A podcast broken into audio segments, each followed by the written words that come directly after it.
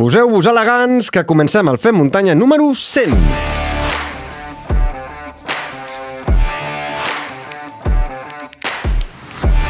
Comença Fem Muntanya, el programa de l'esport outdoor en català. Com esteu, fem muntanyeros i fem muntanyeres? Benvinguts al Fem Muntanya, el podcast dels esports outdoors i en català. Moltes gràcies a tots per haver-nos triat un dia més. Engeguem ara mateix un capítol que fa 3 anys i mig no hagués pensat mai que faria. Quan al setembre del 2020 vaig gravar la primera conversa amb la gran Emma Roca, no m'esperava, doncs, això, que tres anys i mig eh, després estaria gravant aquest capítol especial. Durant aquest temps he gravat centenars de converses, totes elles amb persones molt interessants que ens han explicat reptes, aventures, anècdotes, ens han ensenyat a gaudir més i millor dels esports a l'aire lliure i, sobretot, a la muntanya. Vull destacar que totes elles sempre m'ho han posat molt fàcil i sempre han tingut plena predisposició perquè els hi robés una horeta de la seva vida i, en alguns casos, eh, fins i tot una mica més. També he d'agrair la feina i la predisposició de tots els col·laboradors i col·laboradores que m'han acompanyat des del primer dia o en algun moment d'aquesta gran aventura. Sense ells no haguéssim arribat on som ara.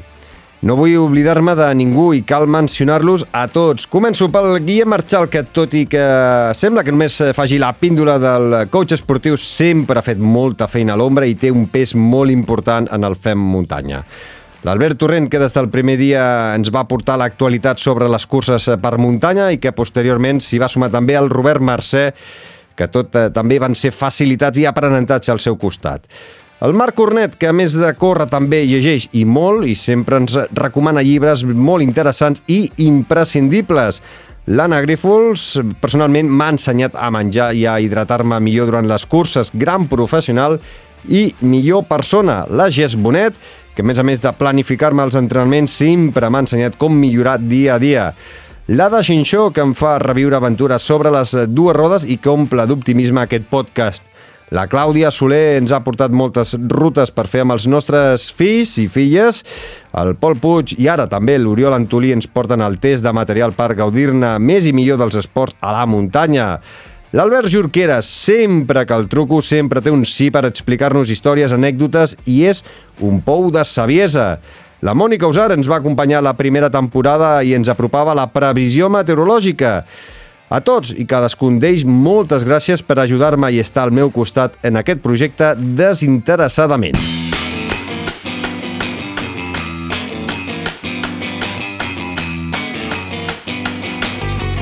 Vinga, va, que us repasso el menú per avui. Un programa que m'oloro que quedarà llarguet, perquè el podreu gaudir d'una tirada si feu doncs, un entrenament llarg al cap de setmana o el gaudireu a trossets al vostre ritme i gaudint de cada conversa. Començarem saludant el Joan Grau, CEO de OTR, Open Trail Races, i el Guillem Marchal. Amb tots dos us eh, presentarem l'aplicació OTR que formarà part de, dels patrocinadors del FEM Muntanya i que ens hem unit amb ells per portar-vos durant els propers mesos eh, el Fem Muntanya On Tour. Si voleu saber de què es tracta, no marxeu, perquè us ho explicarem d'aquí uns segons. També us presentarem la trobada trobada barra festa amb tots els oients que farem el proper 17 de desembre a Sabadell. Us ho explicarem, us direm què farem, on la farem i algunes de les coses que us trobareu. A continuació, viatjarem fins al Nepal per reviure l'Everest Trail Race de la mà dels tres millors catalans que hi han participat, com són el Marc Uller, la gran Manu Vilaseca i en Gerard Morales. Han fet un gran paper i sabrem com han viscut aquesta gran aventura. I com no, entrarem a la biblioteca del Fem Muntanya amb l'amic Marc Cornet, avui amb una recomanació especial a partir d'una vivència personal i acabarem entrant a la consulta del Guillem Marchal que el tornarem a saludar.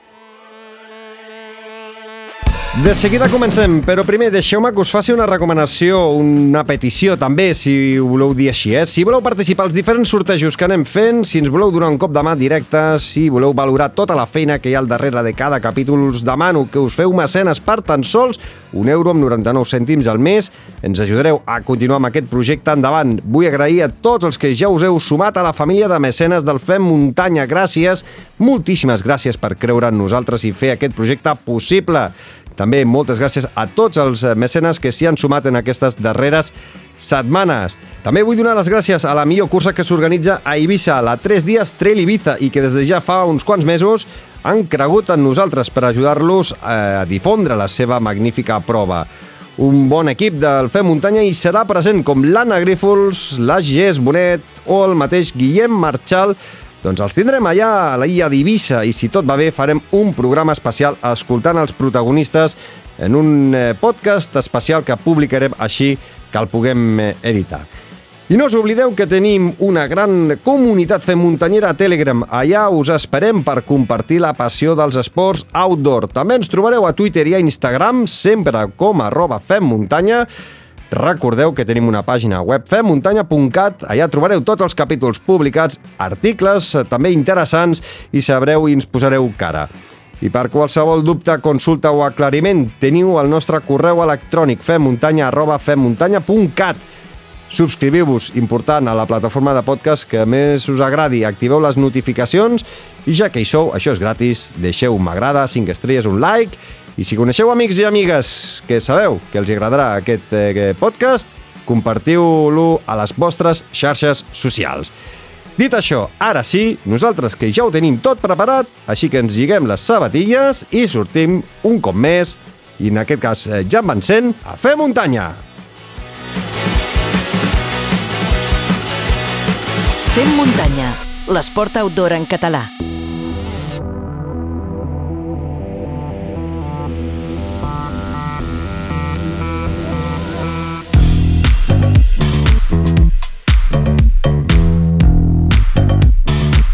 Com ja us he dit eh, a l'entradeta d'aquest capítol, avui publiquem aquest capítol número 100 i personalment no sóc de moltes celebracions, tot i això el que sigui que tinc són moltes ganes de fer una trobada amb tots vosaltres i a més a més us celebrarem sumant un nou col·laborador que a partir d'avui formarà part del podcast. Estem parlant de l'aplicació Open Trail Races o també ho trobareu a les vostres eh, botigues eh, mòbils eh, com a OTR. Durant els propers minuts parlarem de la trobada que farem el proper 17 de desembre a Sabadell. Parlarem d'aquesta aplicació de la OTR i atenció perquè també parlarem dels nous reptes que us proposarem a partir del mes de desembre i que tots els que hi participeu entrareu en el sorteig d'inscripcions de material de primeríssima qualitat i d'altres sorpreses que us anirem avançant. Per parlar-ne de tot plegat m'acompanya el Guillem Marchal, que a més de coach esportiu és el responsable de que es pugui dur a terme la trobada del Fem Muntanya 100. Guillem, com estàs? Eh, ben tornat al Fem Muntanya. Moltes gràcies, aquí estic, eh, amb unes ganes terribles. I ja veureu la, la, la que liarem. I també saludo el CEO de l'Open Trail Races, en Joan Grau. Benvingut al Fem Muntanya. Molt bones i moltes gràcies per permetre'm col·laborar amb el programa. No, gràcies a tu, que, que, gràcies a tu per, per, per, per animar-te a donar sí. suport al podcast. Aviam si el que estem preparant fa que ens ho passem tots plegats eh, d'allò més bé. Ja et dic jo que, que sí, eh? jo crec que nosaltres que estem aquí avui a la part eh, organitzativa ens ho passarem bé i jo crec que els oients s'ho passaran bé tant eh, a la trobada de, del 17 de desembre com els reptes que hauran d'anar fent els, eh, els oients de, des del partit del mes de desembre com a mínim fins a final de, de temporada. O sigui que tindrem eh, sarau durant uns quants mesos. Tenim moltes coses a explicar en els propers minuts, a veure si som capaços de fer-ho bé, que ja et dic jo que ho farem bé, amb vosaltres dos ho farem millor que si ho fes jo sol, i que a tothom li quedi tot clar. Joan, de seguida parlem d'OTR, mm, però primer, Guillem, explica'm bé mm, que des del Fem Muntanya volem muntar aquestes dues mogudes. La primera serà el Fem Muntanya 100 i la segona serà el Fem Muntanya On Tour. Eh, explica què són cadascuna d'aquestes mogudes en les que estàs eh, organitzant, sobretot tu, que és la que estàs la part logística. Molt bé, molt bé. Doncs eh, perquè ens fem una idea, el que estem fent són dues mogudes que viatgen en paral·lel i que el dia 17 de desembre es creuen. Ja sabeu que les línies paral·leles no es creuen mai, però en aquest cas farem una excepció i creuarem aquestes dues línies perquè es trobin en un moment en concret, en un dia en concret, en un lloc en concret, que això serà el dia 17 de desembre a Sabadell. Les dues, eh, els dos esdeveniments que estem preparant, doncs per una banda un esdeveniment que el que farem serà celebrar aquests 100 programes que són ja prop de 3 anys i mig ja treballant dur eh, per tirar endavant aquest eh, programa eh, encapçalat per tu, evidentment, i eh, tenim ganes de celebrar-ho amb qui realment són els protagonistes, que són tots els oients eh, i les oients que tenim al Fem Muntanya, eh, a més a més de totes les persones que han anat col·laborant en algun moment o altre i totes les persones que han anat participant eh, com a convidats i que ens han eh, donat converses extraordinàries. Per tant, el que volem és que ens acabem trobant tots, que fem una festa de trail, una festa de muntanya, una festa a la qual eh, agafem i sortim a córrer junts, que és el que ens agrada, que és gaudir de, de l'entorn. Eh, evidentment ho estem fent en una zona cèntrica, si volguéssim gaudir d'un entorn brutal, doncs quedaríem, no sé, eh, possiblement cap al Pirineu, eh, de Girona, de Lleida, d'on sigui, però en aquest cas el que volem és que tothom pugui venir, que tothom eh, pugui aparcar, que tothom eh, tingui més o menys a prop la zona on es celebra i que tinguem una ruta marcada i una col·laboració extraordinària per part dels agents implicats. I això és el que ens hem trobat a Sabadell, eh, tant per part de la UES... Eh, la Unió Excursionistes de Sabadell. Exacte, del David Fernández concretament, com per part de l'Ajuntament, que al final ens està propiciant que puguem fer aquesta festa brutal el dia 17 de desembre. Aquesta festa, eh, al final el que farà serà una sortida que donarà uh, l'inici del segon esdeveniment, que el segon esdeveniment és el uh, Fem Muntanya, uh, bueno, uh, bàsicament on tour, Eh? Mm -hmm. Podríem dir-ho en català, però bueno, eh, queda més xulo, no? Si ho diem. Sí, no soc, no, no soc molt partidari, no m'agraden gaire els anglicismes, però cre crec que en aquest cas, eh, com a Aquí excepció, tocava. crec que fer muntanya on tour eh, s'escau molt bé. S'escau. Després parlarem doncs de fer muntanya on tour. Sortida, Després parlarem eh, del fer muntanya on tour, vull dir que la gent no tingui, no, no, no desconnecti, que d'aquí uns minuts parlarem del fer muntanya on tour. Eh, primer és important que quedi clar la trobada que estem preparant pel 17 de desembre a Sabadell. Eh, la gent que vulgui venir, què ha de fer i on ens trobarem? Doncs mira, això ho farem a, al costat del riu Ripoll, a, eh, a la zona de... Eh, em sembla que es diu Can Junqueras. Correcte. Si no m'equivoco. Que hi ha, a, a sota del restaurant Can Junqueras, que hi ha una a zona sota. de pícnic molt, molt xula. Ah, exacte. I allà és un dels punts on eh, conflueixen els tracks de la Llanera Trail, Uh, la Llanera Trail doncs, serà diguem, el nostre pati de joc aquell dia. Llavors el que farem serà quedar allà una zona d'aparcament molt àmplia, la veritat que poden venir tantes persones com vulguin perquè tothom pot aparcar, una zona diguem, de meeting point també extraordinàriament àmplia on podrem estar, on tindrem unes carpes muntades amb les quals eh, doncs, eh, hi haurà diferents avituallaments eh, per poder tastar doncs, eh, diferents coses, eh, on tindrem també una carpa del Fem Muntanya on ens podran conèixer, on tindrem també una, una carpa d'obrir-se al món eh, perquè la gent doncs, pugui conèixer el projecte solidari eh, vinculat als nens i nenes amb autisme. I a partir d'allà el que es farà serà doncs el que ens agrada, el que disfrutem, amb el que ens ho passem bé, una sortideta del voltant d'uns 12 quilòmetres coincidint amb el track de la llanera i eh, un cop acabi això doncs ens tornarem a trobar allà i eh, gràcies als patrocinadors que, que ens han aportat material de, de, de qualitat, doncs el que podrem fer serà un sorteig entre tots els que hagin vingut.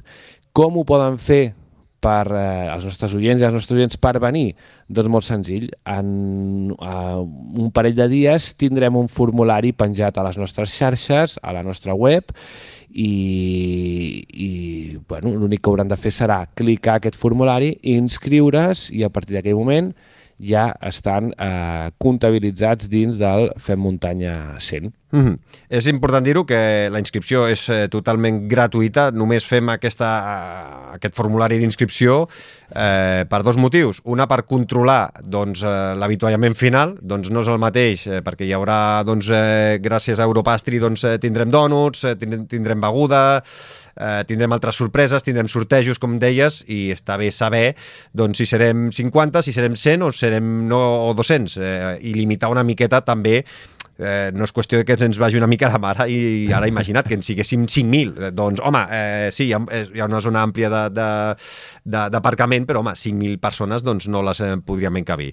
Però jo crec que amb els oients que som eh, i els que vingueu, eh, hi cabrem perfectament i ens ho passarem molt i molt bé. Simplement és per tenir controlat i després si fem els sortejos i us hem d'enviar algun material o us hem d'enviar coses, doncs eh, també tenir una miqueta, tenir-vos controlats, perquè si no serà difícil doncs, eh, poder-vos fer arribar doncs, material que, que tindrem eh, per sortejar. Eh, doncs eh, tindrem el, tindreu el formulari a les notes d'aquest capítol per eh, inscriure-us, també a les nostres xarxes socials, a Twitter, a Instagram, també a la nostra comunitat a, a Telegram. Hem dit que això és a Can Junqueras, a Sabadell, a la, al riu Ripoll. Eh, la gent que conegui doncs, una miqueta la zona veurà que és molt fàcil arribar, és, està just al costat de la carretera que va de Sabadell a, a Castellà del Vallès a la sortida de Sabadell, doncs a mà dreta, tindreu allà un polígon industrial on podreu aparcar sense problema, hi ha una zona de taules, de pícnic, i allà ens eh, trobareu. 17 de desembre, eh, la trobada a les 10 del matí, correcte, no, Guillem? Sí, correcte. No sé si ens deixem alguna cosa important, és, això és important perquè ara ho lligarem amb el Joan Grau. Eh, per eh, participar eh, és imprescindible que us descarregueu l'aplicació d'Open Trail Races, d'OTR, eh, que us la descarregueu abans de venir, que us registreu a casa amb tota la tranquil·litat perquè el tram, el track, el recorregut que farem servir, el trobareu només en aquesta aplicació i serà el mateix que podrà fer tothom durant tot el mes, eh, tot el repte que estarà disponible durant tot el mes de desembre. I no patiu això dels reptes perquè ara us, eh, us ho explicarem eh, no ho deixeu pel mateix diumenge perquè ja hi ha cobertura, però de vegades, doncs escolta, coses de la tecnologia, arribareu allà, no m'he descarregat l'aplicació, no m'he descarregat el track, no me l'he pogut posar al rellotge, és gairebé imprescindible que tingueu el track descarregat de, de casa. Llavors, un cop allà, doncs eh, ja podreu també eh, fer el recorregut i marcar-ho i ja participareu als sortejos de, dels reptes que ara en parlarem. Uh, no sé quin paper ha tingut la cursa de, de la llanera perquè em sembla que amb el David, eh, escolta, imprescindible, eh, també la feina tant de la UES, com deies, uh, com de, de l'Ajuntament, eh? Sí, sí, sí, ha sigut, ha sigut top eh, en aquest sentit de la col·laboració eh, participació i implicació del David eh, i, i, i de retruc de la UES eh, i encara més de retruc de l'Ajuntament, no? que al final eh, ens estem ubicant en un espai públic que, tot i que no és gaire concorregut i queda molt allunyat, diguem, de, de, del que és la, la, la, la ciutat o el centre de la ciutat, que és el punt de sortida original de la llanera, sí que és veritat que ens han posat moltes facilitats perquè puguem estar allà tranquil·líssimament i puguem acollir a tots els nostres eh, oients.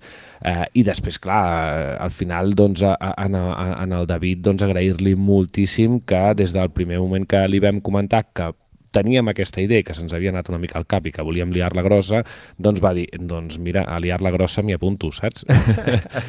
I, i, I compteu amb mi, compteu amb la UES i, i, i la veritat és que el seu paper ha sigut fonamental perquè al final no estem seguint un track original de la llanera, sinó que específicament per nosaltres el David se n'ha anat a fer el track que havíem de complir, que sí que agafa molts trams de la llanera, però que per començar i acabar allà on serem, doncs havia de fer unes petites modificacions que encantadíssim eh, les ha fet i ens ha, ens ha deixat tot com una bassa d'oli. Mm -hmm. I eh, el recorregut és molt xulo, ja l'he fet un parell o tres de vegades eh, i et dic, eh, és imprescindible que la gent el porti al rellotge perquè ja ple, està ple de sifonades, de dreta, esquerra, barraca de pedra seca 1, 2 i 3 i com no el porteu descarregat, eh, el circuit no estarà marcat amb cintes, per tant és imprescindible l'orientació amb el vostre dispositiu GPS, ja sigui amb el vostre telèfon mòbil seguint eh, l'aplicació OTR o amb el, amb el track descarregat eh, prèviament al, als vostres dispositius. Cal donar les gràcies també eh, que, perquè aquest Fem Muntanya de, eh, 100, eh, doncs, eh, doncs aquesta trobada amb, amb tots vosaltres, a tots els oients, doncs eh, cal ser agraït eh, per començar amb Open Trail Races i a la Llanera també a totes les marques que ens deixen material per poder sortejar. Tots els que vingueu, per exemple, Six Pro, les cremes eh, reparadores de, de, sobretot de, de, de peus, és, és, és magnífica, doncs eh, tindrà un detall amb tots els que hi vingueu, per començar, tindreu tots eh, una mostra gratuïta i també tindrem packs per eh, sortejar entre tots els que hi formeu part. Salomon eh, ens ha cedit eh, unes ampolles ben xules eh, perquè hi pugueu doncs, hidratar-vos, eh, ja sigui en el vostre dia a dia, a la vostra feina, o també per poder-les portar a les vostres motxilles. Flying Burrito ens cedirà eh, unes camises tècniques eh, xulíssimes per sortejar allà. Merrell també ens, ens, ens proporcionarà material, Europastri que ens posarà l'avituallament final i, com deies, a l'Ajuntament de, de Sabadell. A totes, elles, a totes aquestes marques que de moment ja s'hi han sumat a dia d'avui, doncs eh, moltíssimes gràcies. I si hi ha més marques que s'hi vulguin sumar d'aquí al 17 de desembre, doncs eh, donem les gràcies també en els eh, propers capítols. Guillem, si et sembla, deixem un moment a part aquest eh, Fem Muntanya 100 a la festa la, del 17 de desembre. De, en parlarem del Fem Muntanya on Tour d'aquí uns minuts, perquè hem parlat d'OTR, eh, d'Open Trail Races, eh, però hem de saber com funciona, què és, i per això doncs, tenim també el Joan Grau, que ens ho explicarà. Eh, Joan, a veure, fem canvi un moment de Guillem a Joan, i comencem eh, una pregunta que jo crec que tothom s'hi està fent. Eh, què és Open Trail Races i com es diferencia d'altres aplicacions, com per, eh, per exemple Strava o, o Wikilog? Ah, doncs mira, és molt senzill. OTR és una aplicació que et permet compartir, competir sobre recorreguts oficials de curses de trail i d'altres esports outdoor. No sé, ciclisme, hi ha una via blava també aquí a Palamós i aviat tindrem esquimo i esquí de fons. El que fa OTR és cuidar-se de que facis íntegrament el recorregut i et classifica automàticament. Un cop arribes a meta, eh, pujan les dades al nostre servidor i validem a aquesta cursa. També eh, és, una, és una aplicació que serveix per dinamitzar el turisme eh, i l'esport local. Bàsicament, això seria OTR. Mm -hmm. Uh, per exemple, a diferència de qualsevol altra aplicació, uh, el tracte és directe, és a dir, si hi ha algun problema, hi ha, mm. algun, hi ha, hi ha uh, feedback directe a, amb, amb tots vosaltres? Sí, és una de les coses que ens diferencien i crec que és, és important, no? perquè bé, el fet de tenir contacte directe amb nosaltres doncs, resol molts dubtes i coses i pors a vegades d'utilitzar una tecnologia a la que no, potser algú no, no està acostumat. No? I d'on surt la idea de, de fer Open Trail Races eh, OTR? Doncs la, la, la idea surt d'un senyor que sóc jo, que li agrada molt anar per la muntanya sol i que en aquests eh, entrenaments doncs, va fent cavilacions i li surten idees i com que tinc una base informàtica, doncs eh, aquestes idees eh, acaben transformar-se o, o bueno, creant aquesta inquietud i que al final acabes dient, hòstia, no sé, per què no faig una aplicació que, que puguis córrer les curses quan vulguis? Mm -hmm. Bàsicament, doncs, eh, passant el temps, això va agafant forma, la tecnologia també va evolucionant i ens va, es va posant a, a favor meu per, per poder-ho tirar endavant i també parlo amb el, amb el Jesús, amb un bon amic de tota la vida, que hem compartit aventures, curses i entrenaments, que ell es dedica precisament a això, a crear aplicacions mòbils i webs, no? I li venc la idea, li agrada, s'hi suma, enrere el seu jefe, també, el, Jesús, el, el, el Justo Soria, i bueno, entre tot, tots tres decidim doncs, tirar endavant aquesta idea. I això va ser eh, bueno, que comencés jo a pensar-hi potser 2014 o 2015 i el 2016 doncs, ho decidim tirar endavant. Uh mhm. -huh. Fins ara ha estat una, una autèntica ultra. Hem reescrit l'aplicació tres cops, però a dia d'avui estem super satisfets. Jo crec que una pregunta que s'està fent tothom. Eh, vale, és una aplicació on es fa un cronometratge d'una cursa oficial, d'un recorregut oficial, on es fan eh, no, una, un, un, Uh, surten totes les classificacions de totes les persones uh, que s'han registrat a l'aplicació i han fet aquell recorregut Clar, el dubte és com funciona el sistema de cronometratge i classificació a, a OTR, perquè tu la pots fer amb el teu rellotge, però no sé, diria que no funciona ben bé, no?, amb, a, amb el temps que fas amb el teu rellotge? Eh, no, no funciona amb el rellotge, funciona amb el mòbil. Com et deia, és un sistema de cronometratge autònom que no necessita més que la intervenció del, del propi usuari, no? Aleshores, aquí no hi ha la possibilitat de, de, de que l'usuari pugi al track o res. O sigui, és el mòbil qui registra aquesta participació, qui la puja al nostre servidor i, i, qui, i qui fa aquesta validació.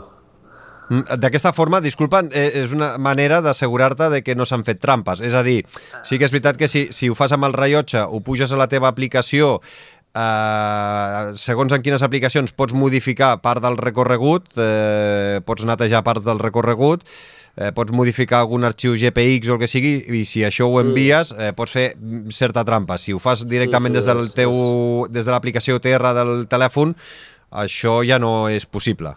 Ah, exactament. Aquí està la gràcia d'aquest sistema, doncs que no hi ha possible manipulació alguna. O sigui, Strava mateix és superfàcil agafar un track i canviar el temps i ajustar ajustar-ho, de fet hi ha pàgines web que, que t'ho permeten fer, no? Mm. Llavors, eh, com, com, com... A, a la velocitat de pujada, de baixada amb OTR, tenim en compte no només que hagis fet íntegrament el recorregut, o sigui, en el cas que et surtis i tornis a entrar en el recorregut, doncs no et desqualificaria, i també té en compte doncs, la velocitat, que sigui lògica, que no baixis corrent a 40 km per hora, eh, que no pugis a 20, entens? Tot això es té en compte, que hagis fet tota la distància i a més a més que hagis fet el desnivell, amb la qual l'algoritme és prou potent com per evitar doncs, que hi hagi joc brut. Uh, L'algoritme uh, és el qui ho mira, és a dir, de forma automàtica o també reviseu vosaltres de forma manual tots el, eh, cadascuna de les... No? Valideu la, la, la, els, la, mm. cada cursa? L'algoritme és el primer filtre i si l'algoritme detecta alguna cosa que fa que grinyola, perquè, perquè m'entenguis, doncs aleshores eh, aquesta participació no puja, es queda pendent de validar. A nosaltres ens arriba un missatge avisant que hi ha una participació pendent de validar i llavors som nosaltres els que mirem aquest track sobre un mapa que ja tenim preestablert que junta el track de la cosa amb el track registrat pel mòbil. Mm -hmm. I aquí decidim. Mm -hmm. He vist... Si ha retallat, si no ha retallat, o, o si s'ha equivocat, però al final ha acabat perdent més temps del que hauria fet a la cursa i li validem igual, perquè també, aviam, eh, el fet de participar té un valor, no? Tampoc no ens volem carregar algú perquè hagi fet mitja hora més perquè s'ha equivocat. Al final ha participat igual, no? Ara, si retalla o si ha fet alguna cosa que pugui afavorir-li en el temps, eh, aquí sí que es desqualifica i automàticament es rep un correu amb el qual hi ha eh, una URL que eh, li mostrarà al corredor el mapa i, el, i on està el que no està bé. Mm -hmm. Clar, eh, ara, ara parlem de com funciona exactament l'aplicació per poder participar, ja sigui als reptes de, del FEM Muntanya com a, als centenars de cursos que teniu a la pròpia aplicació. Però hi ha una cosa que m'ha fet molta gràcia, és que a la vostra web, eh, opentrailraces.com, eh, hi ha una cosa que posa eh, en directe. Eh, què, què és això que, que posa en directe? Què, què veiem o què pots veure quan, quan cliquem aquí en directe? Sí, això és una facilitat molt gran per poder seguir a qui està corrent en aquell moment. O sigui, si hi ha 10 persones en 10 curses diferents, doncs allà et sortiran eh, llistades i tu faràs clic a la que vols seguir. Quan facis clic aquí et portarà en el mapa i veuràs tot el recorregut i tot el que porta fet aquell, aquella persona que està corrent amb la qual pues, sabràs més o menys el que li queda, si coneixes el recorregut i si no, pues, bueno, més o menys et fas la idea de, de quants quilòmetres porta i quants n'hi queden.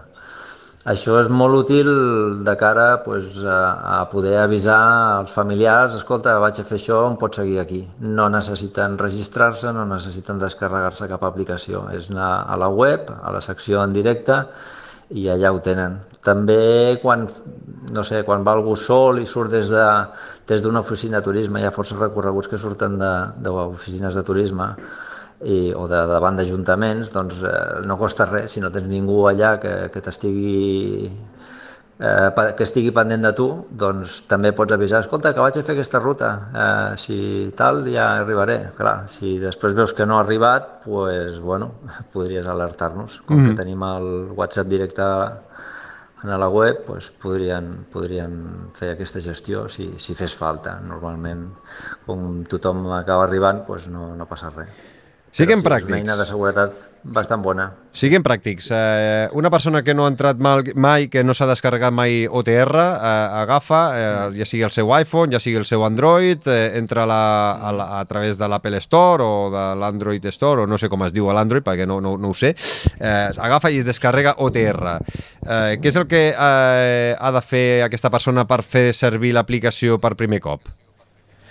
Doncs descarregar l'aplicació a Google Play, que és a Google a Play. Android. Veus? No, no, es, no, es nota, es Sí, nota que fa, sí, sí. fa anys que no tinc. No, no jo sóc de, jo sóc d'Android, o sigui que ho tinc, ho tinc superclar. Aleshores, bueno, descarregar- descarregar-se l'aplicació, el que deies tu abans, de registrar-se còmodament a casa, no es paren al punt de sortida per registrar-se perquè pot haver-hi no massa bona cobertura o perquè tens pressa per sortir i acabes no fent-ho, no? Uh, triar la cursa en el punt de sortida, l'aplicació té un enllaç de Google Maps, per exemple, doncs que et pot portar fins exactament al punt de sortida pots aparcar el cotxe en un altre puesto, però t'hi acaba portant, no? I quan estàs al punt de sortida, doncs li has de donar el botonet d'engegar i ja està. Si estàs realment a puesto, et detectarà com que estàs al punt de sortida i t'engegarà el crono. Si no estàs al punt de sortida, doncs en el mapa podràs veure que no, ja, el teu puntet no està on t'hauria d'estar i t'hi has d'acostar. Un cop allà, doncs engegues, crono en marxa i vas passant pels punts de control eh, que hi pot haver en cada recorregut i allà en cada punt de control veuràs eh, el lloc de, que estàs en la classificació, si tens ganes i temps eh, de, per mirar-ho, no? Si vas sense pressa, doncs pues això. Uh -huh. Però si vas amb pressa a treure el mòbil corrent, no pot, pot ser una, una, una mala idea, no? Sí. I res més, arribes a meta, se't para sol eh, i et classifica, si tens les dades actives doncs ja pugen al servidor automàticament i et classifica. Que no estan actives doncs eh, es queda guardat i en el moment en què engeguis les dades pujarà al servidor i et classificarà. Mm -hmm. uh, el telèfon l'hem de tenir en algunes condicions especials per eh, poder fer servir OTR durant una cursa mentre fem eh, doncs, algun dels recorreguts que teniu vosaltres o ja sigui eh, els recorreguts del, i els reptes del Fem Muntanya on Tour? A veure, si és un recorregut molt llarg, has de procurar portar el mòbil a tope i et diria inclús si, si és més de 3, 4 o 5 hores, doncs ja portar una bateria externa connectada per no quedar-te sense mòbil, que al final el mòbil també és una eina de seguretat. No et deixarà participar si tens la bateria, crec que és a menys del 50%, també per aquesta seguretat, en cap cas, sigui curta o llarga, i després t'obliga a, a activar el, el GPS perquè clar, si no tens el GPS engegat, doncs òbviament no podrà gravar. Si poses el mode avió et dirà que, que el treguis perquè no funcionarà l'aplicació i si insisteixes i el poses, doncs, bueno, al final acabaràs tancant l'aplicació perquè t'està tot el rato dient que, que no, que, que l'has de tenir engegat. Mm -hmm. Has de tenir connexió de, de GPS. Mm -hmm. per, per això, per gravar el track. Si no tenim el track no tenim res. Llavors és important, eh, veig que, per exemple, ja en el buscador del, de, de carreres de l'OTR he posat Fem Muntanya i apareix eh, ja les, les primeres de Fem Muntanya on Tour, eh, que és la llanera de 430 metres amb el logo del Fem Muntanya. Eh, clico aquí, llavors ja et surt la informa el track eh, que els oients podran fer tant el 17 de desembre tots junts com eh, durant tot el mes de desembre, que ara en parlarem amb el, amb el Guillem. Eh, eh, puc descarregar-me el track al telèfon, a partir d'aquí me la passaria al meu rellotge, eh, tens el perfil, eh, el material recomanat, el rànquing de, tant d'homes com de dones i per eh, categories, i aquí sí que es veu perfectament el punt de, de sortida, que és aquí a Can Junqueras. Exactament, ni més ni menys. Doncs, escolta, és, és, és fàcil, és intuïtiu.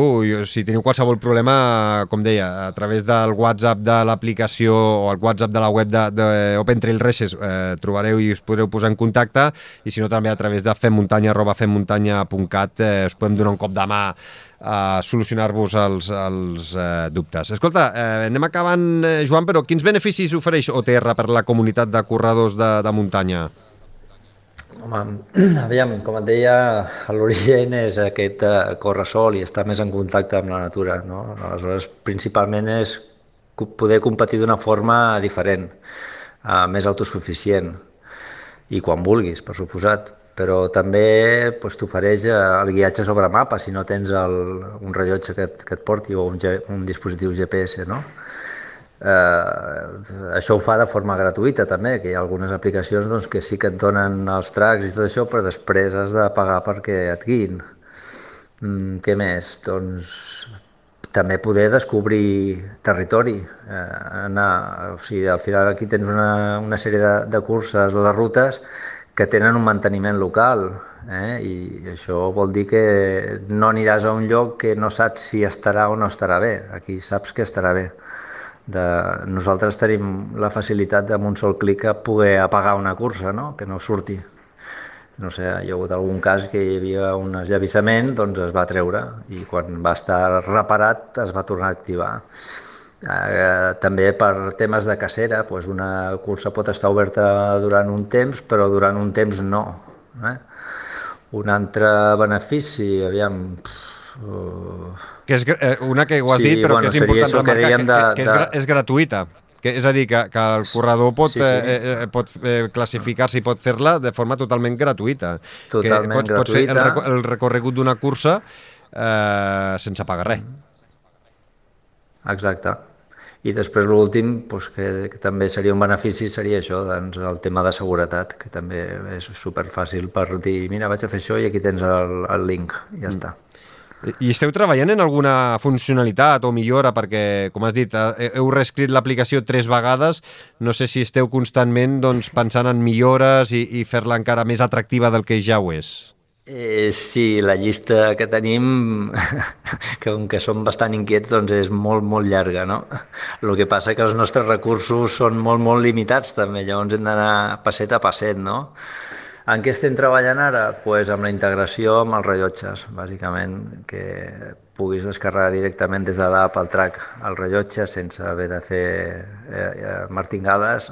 Ja saps que a vegades mm, pot ser fàcil o difícil per segons qui. En aquest cas doncs, ja es faria directe.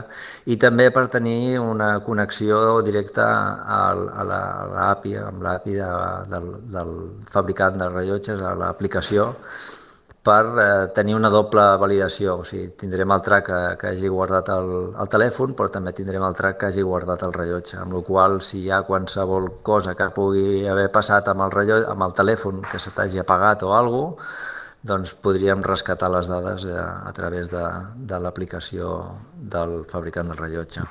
I si hi ha algun organitzador que ens està escoltant ara mateix i vol, apare... i vol que aparegui la seva cursa a OTR, o hi ha algun ajuntament, o, o, o hi ha doncs, alguna organització, algun, doncs, algú que, que eh, algun centre excursionista que vol que aparegui la seva cursa al seu, no? per, per, per donar a conèixer el seu territori dins de Open Trail Races, eh, què és el que ha de fer?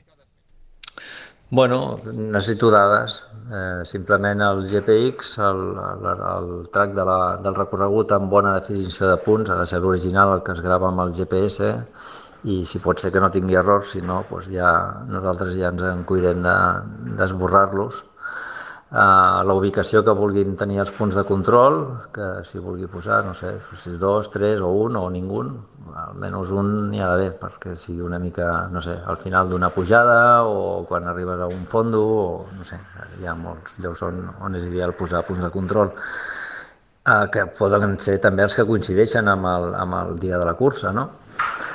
de, què més necessito? Pues el logo, les dades de contacte, el logo de l'organitzador i de la cursa, que deia. Eh, eh, si hi ha patrocinadors, pues un petit cartellet que es pot posar al peu de, que es veu a l'aplicació, amb tres, quatre logos.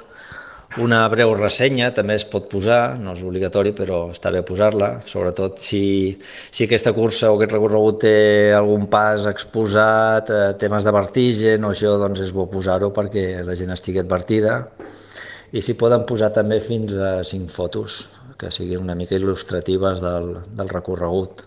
Uh -huh. I, i té, això té un cost eh, pels, eh, pels organitzadors que volen posar la seva cursa i els seus recorreguts? Eh, sí, pels usuaris és gratis, pels organitzadors són els, els que els hi toca pagar una petita quota anual de només 50 euros a l'any. O sigui que és, és ben poc.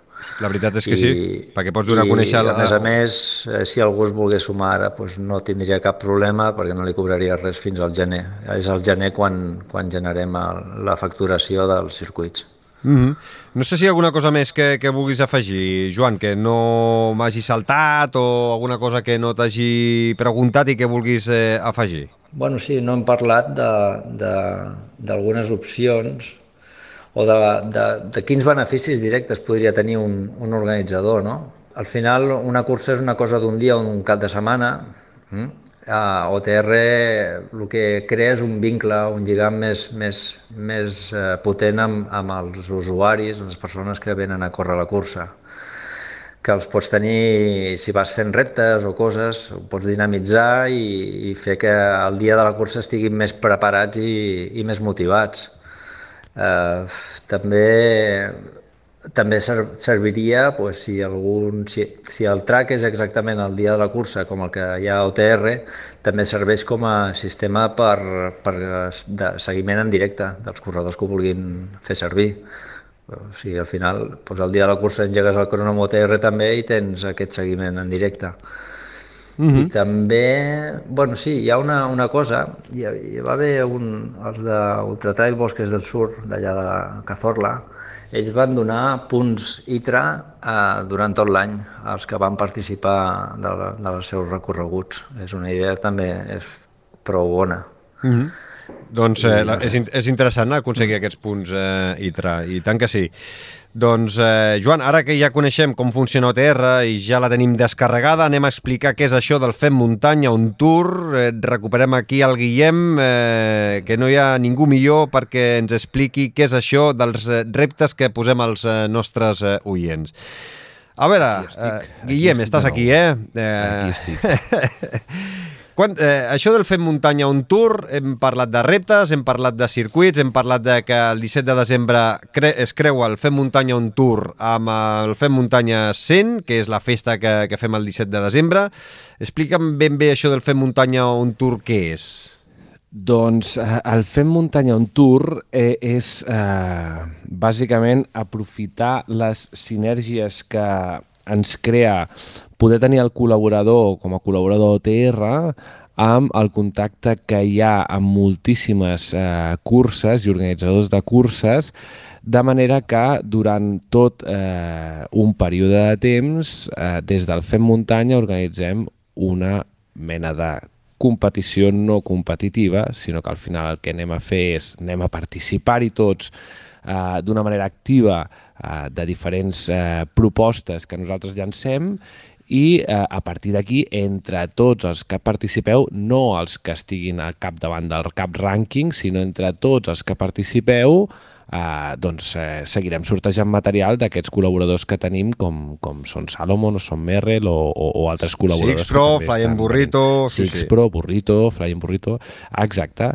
Llavors el que proposem és fer un circuit eh, que eh, pugui ajudar, per una banda, a entrenar, a, a tots els que participen.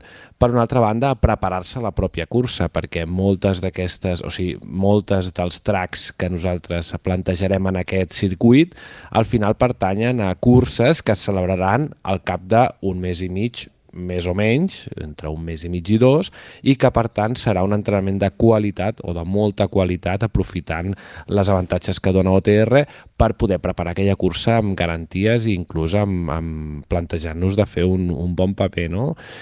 I jo penso que eh, pot ser algo molt entretingut i molt divertit eh, i que a més també hem d'agrair als organitzadors de curses que també participaran eh, d'aquesta festa que també és el Tour, no?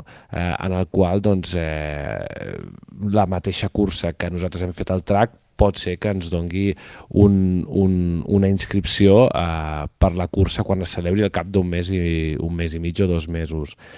La qüestió és que a partir del desembre a partir, a partir del 1 de desembre. A partir eh? del 1 de desembre. De, de l'1 de desembre, que, eh, que eh, la, la, els reptes eh, els farem del, de l'1 al 31 de cada mes. És a dir, Exacte. farem mesos naturals. més natural. Per tant, de l'1 al 31 de desembre, els nostres oients i les nostres oients ja tindran preparat els dos primers tracks eh, que poden eh, fer i poden eh, córrer per participar. També acabo de dir córrer i és cert que nosaltres, eh, si t'hi fixes, hem buscat eh, que siguin eh, primer terrenys, que siguin molt factibles de fer eh, que siguin distàncies que tothom pugui fer i com que no va, és a dir, que qui vulgui participar per créixer en el rànquing doncs és un dels objectius de OTR també, no? de que al final doncs, tu puguis comparar-te i, i, i testejar-te no? a, amb altra gent, però també en el cas del eh, Fem Muntanya Tour, escolta'm, si tu aquesta distància la vols caminar, la pots caminar perfectament i comptarà com a participat mentre tu hagis fet eh, exactament el track que en marca OTR, no? vull dir que tu hagis complert amb, amb, amb els requisits. Per tant, de l'1 al 31 de desembre tindreu els dos primers tracks penjats en els quals vosaltres eh, podreu participar-hi i entrar en el sorteig. Un d'aquests tracks, per això dèiem que es creuaria amb la festa, és el Fem Muntanya 100. Mm. Val? Per tant, tindran per una banda un track eh, X i per l'altra banda el Fem Muntanya 100, que si venen el dia de la festa ja els comptarà com a participant i que si no venen el dia de la festa per mala sort, eh, i pitjor per ells, clar, evidentment, eh, doncs eh, podran fer-ho qualsevol altre dia el mateix track que nosaltres plantegem. I això es repetirà de l'1 de gener al 31 de gener, del 1 de febrer al 28 de febrer 28 29, 29, 29 perquè 29. sí, és, és, eh, Entrem, és, és any de traspàs. Entrem en any de traspàs. Bueno, doncs de l'1 al 29 i cadascun d'aquests mesos hi haurà dos tracks que es correspondran amb recorreguts coneguts de totes les zones. També hem buscat, i això era important, de que no us hagueu de desplaçar sempre ben lluny de casa, eh, tots els que fem muntanyes sabem que ens hem de desplaçar sí o sí per anar a buscar doncs, nous reptes i territoris per, per descobrir i per explorar, però que, per exemple, doncs, hagi a la zona de Girona, és a dir, província de Girona, a la zona de província de Lleida, a la zona de província de Tarragona, a la zona de província de Barcelona, i que més o menys per tot arreu doncs, hi pugui haver un track eh, en una més o en una altra que es correspongui. A partir d'allà, doncs cadascú té aquest mes per participar-hi, quedarà registrat a la, a, evidentment a la app d'OTR i sobre aquests participants nosaltres agafarem i sortejarem material, i eh, en molts d'aquests casos, gràcies a la col·laboració d'organitzadors, també sortejarem eh, inscripcions eh, per les curses que han de venir. Mm. Per exemple, Fem-ho pràctic. Uh, aquest mes de desembre, de l'1 al 31 de desembre, hi haurà dos reptes. Uh, la gent pot participar tantes vegades com vulgui a cada repte, és a dir, si algú vol repetir el track de la llanera, el pot repetir tantes vegades com vulgui. I el segon repte que posarem el mes de desembre, ja el diem ara, vale, serà va. Roca Corba serà Canet d'Adri. Eh, en aquest cas, eh, eh, posarem dos recorreguts de Roca Corba, serà el recorregut express i el recorregut trail. Eh, podreu triar el que vulgueu fer. Si voleu fer el curtet, el podeu fer, que tots dos pugen a dalt del cim del Roca Corba, i ja ho sabeu, el, el, la trail dona una mica més de volta i és una mica més llarga. Podeu triar, si feu l'express, doncs eh, ja, ja compta, ja val. És important que us descarregueu OTR, que trieu eh, quina cursa voleu fer, que us inscriviu, que hi participeu durant tot el mes de desembre, eh, podeu participar a la Roca Corba, podeu participar a la Llanera, podeu participar tantes vegades com vulgueu i entrareu en el sorteig, com dèiem, d'inscripcions per eh, Roca Corba, que es fa a finals de, desembre, de gener, i també té, si participeu a la Llanera, doncs eh, tindreu la possibilitat de guanyar inscripcions per la Llanera per el darrer cap de setmana de gener. A més a més, com deies, Guillem, doncs eh, material. Vull dir, sortejarem un cinturó... Material que ja tenim, que podem sortejar. Doncs eh, un cinturó molt xulo de Salomon, eh, per exemple també podrem sortejar doncs, eh, una camisa Flying Burrito, podrem sortejar doncs, eh, un pack de cremes Six Pro, tot això pel mes de desembre. Els propers mesos, no patiu, anirem fent capítols especials que s'anomenaran Fem muntanya on tour, on donarem a conèixer els reptes del mes següent, et donarem a conèixer els guanyadors d'aquest material i de les inscripcions, eh, tot sempre estareu connectats al canal del Fem Muntanya i també a les nostres xarxes socials que ho anirem eh, comunicant. Més o menys, no sé si ho hem explicat prou bé. jo crec que jo ho he explicat àmpliament i crec que has fet un resum excel·lent. Per tant, uh... jo crec que si ja genera algun dubte, sempre es poden posar en contacte a, través dels canals Sí, que home, tenim, es poden posar en contacte i, i ja sigui per correu electrònic, ja sigui fent-nos un, un missatge directe a través de xarxes socials o inclús si formen part del, del, de la comunitat de Telegram i si no formen part que s'hi posin i Home, ja podran aquí, aquí ja també anirem donant informació abans, Ah, que, exacte. abans que el podcast, perquè el Telegram és eh, instantani i el podcast anem publicant. Eh, Exacte. cada 15 dies, els fem muntanya on tours, els anirem publicant al final de cada mes i a principi de mes eh, següent per poder donar els guanyadors. És a dir, més ràpid impossible que, que, que Telegram. Per tant, qualsevol dubte, hi ha molts canals, eh, per si no han acabat o no ens hem acabat d'explicar bé, doncs tenim molts canals per seguir resolent. Uh, jo crec que el més important és que tinguin ganes de passar-ho bé. Si tenen ganes de passar-ho bé i tenen ganes de liar-la grossa, mm, allà ens hi trobaran, estarem de costat i començarem pel dia 17 i tu, vinga, gas, que això no pari. Eh, Joan, important, eh? eh inscriure's al Fem Muntanya on Tour, eh, participar en aquests reptes és totalment gratuït. Important que la gent ho sàpiga, no costa res. Res, Sí, només eh, barat, no? el desgast, el desgast de- d'un mateix si es pica gaire. I, a més a més, preparar perfectament doncs, la, el, la cursa, si, si tenen ganes de participar a la llanera, per exemple, aquest mes de, de gener, doncs, participar a la llanera, o participar al Roca Corba, doncs tindran la possibilitat de fer, com deies, Guillem, un entrenament de qualitat durant aquest mes de desembre, tantes vegades com vulguin. Doncs, eh, amics i amics i amigues, ens escoltem i ens veiem eh, el 17 de desembre a Sabadell. Sí, sí. Uh, de fet, eh, amb mi pots comptar-hi, oi? Tu no pots fallar, Guillem. I, Vale. I el Joan ja, ja també m'ha dit que, que també hi serà. Jo ta tampoc, tampoc, estarem allà a fer el que, el que faci falta. Doncs ens ho passarem bé. Eh, ens eh, veiem les cares tots plegats el proper 17 de desembre a Can Junqueras, a Sabadell, a la carretera de Sabadell a Castellà del Vallès, eh, a la sortida de Sabadell, a mà dreta, trobareu doncs eh, ho trobareu, trobareu ben marcat, no hi ha cap mena de, de pèrdua, a les 10 del matí, hora de la sortida. Així que podeu arribar una miqueta abans i així ens veiem i podem xerrar tots plegats eh, una estoneta. Eh, Guillem Marchal, no marxis gaire lluny, que d'aquí una estoneta he de passar per la consulta del meu coach esportiu. Fas bé, fas bé, passant per la consulta. Eh, Joan Grau, moltíssimes gràcies. Primer, per Au. eh, voler col·laborar amb el Fem Muntanya. Eh, sense OTR tota aquesta moguda seria totalment impossible.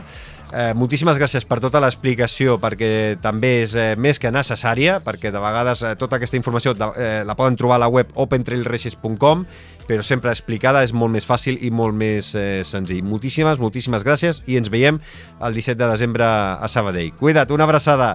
Ens veiem. Gràcies per tot. Fins aviat. Envia'ns les teves opinions a través de Twitter, Instagram o del correu electrònic femmuntanya arroba femmuntanya.cat.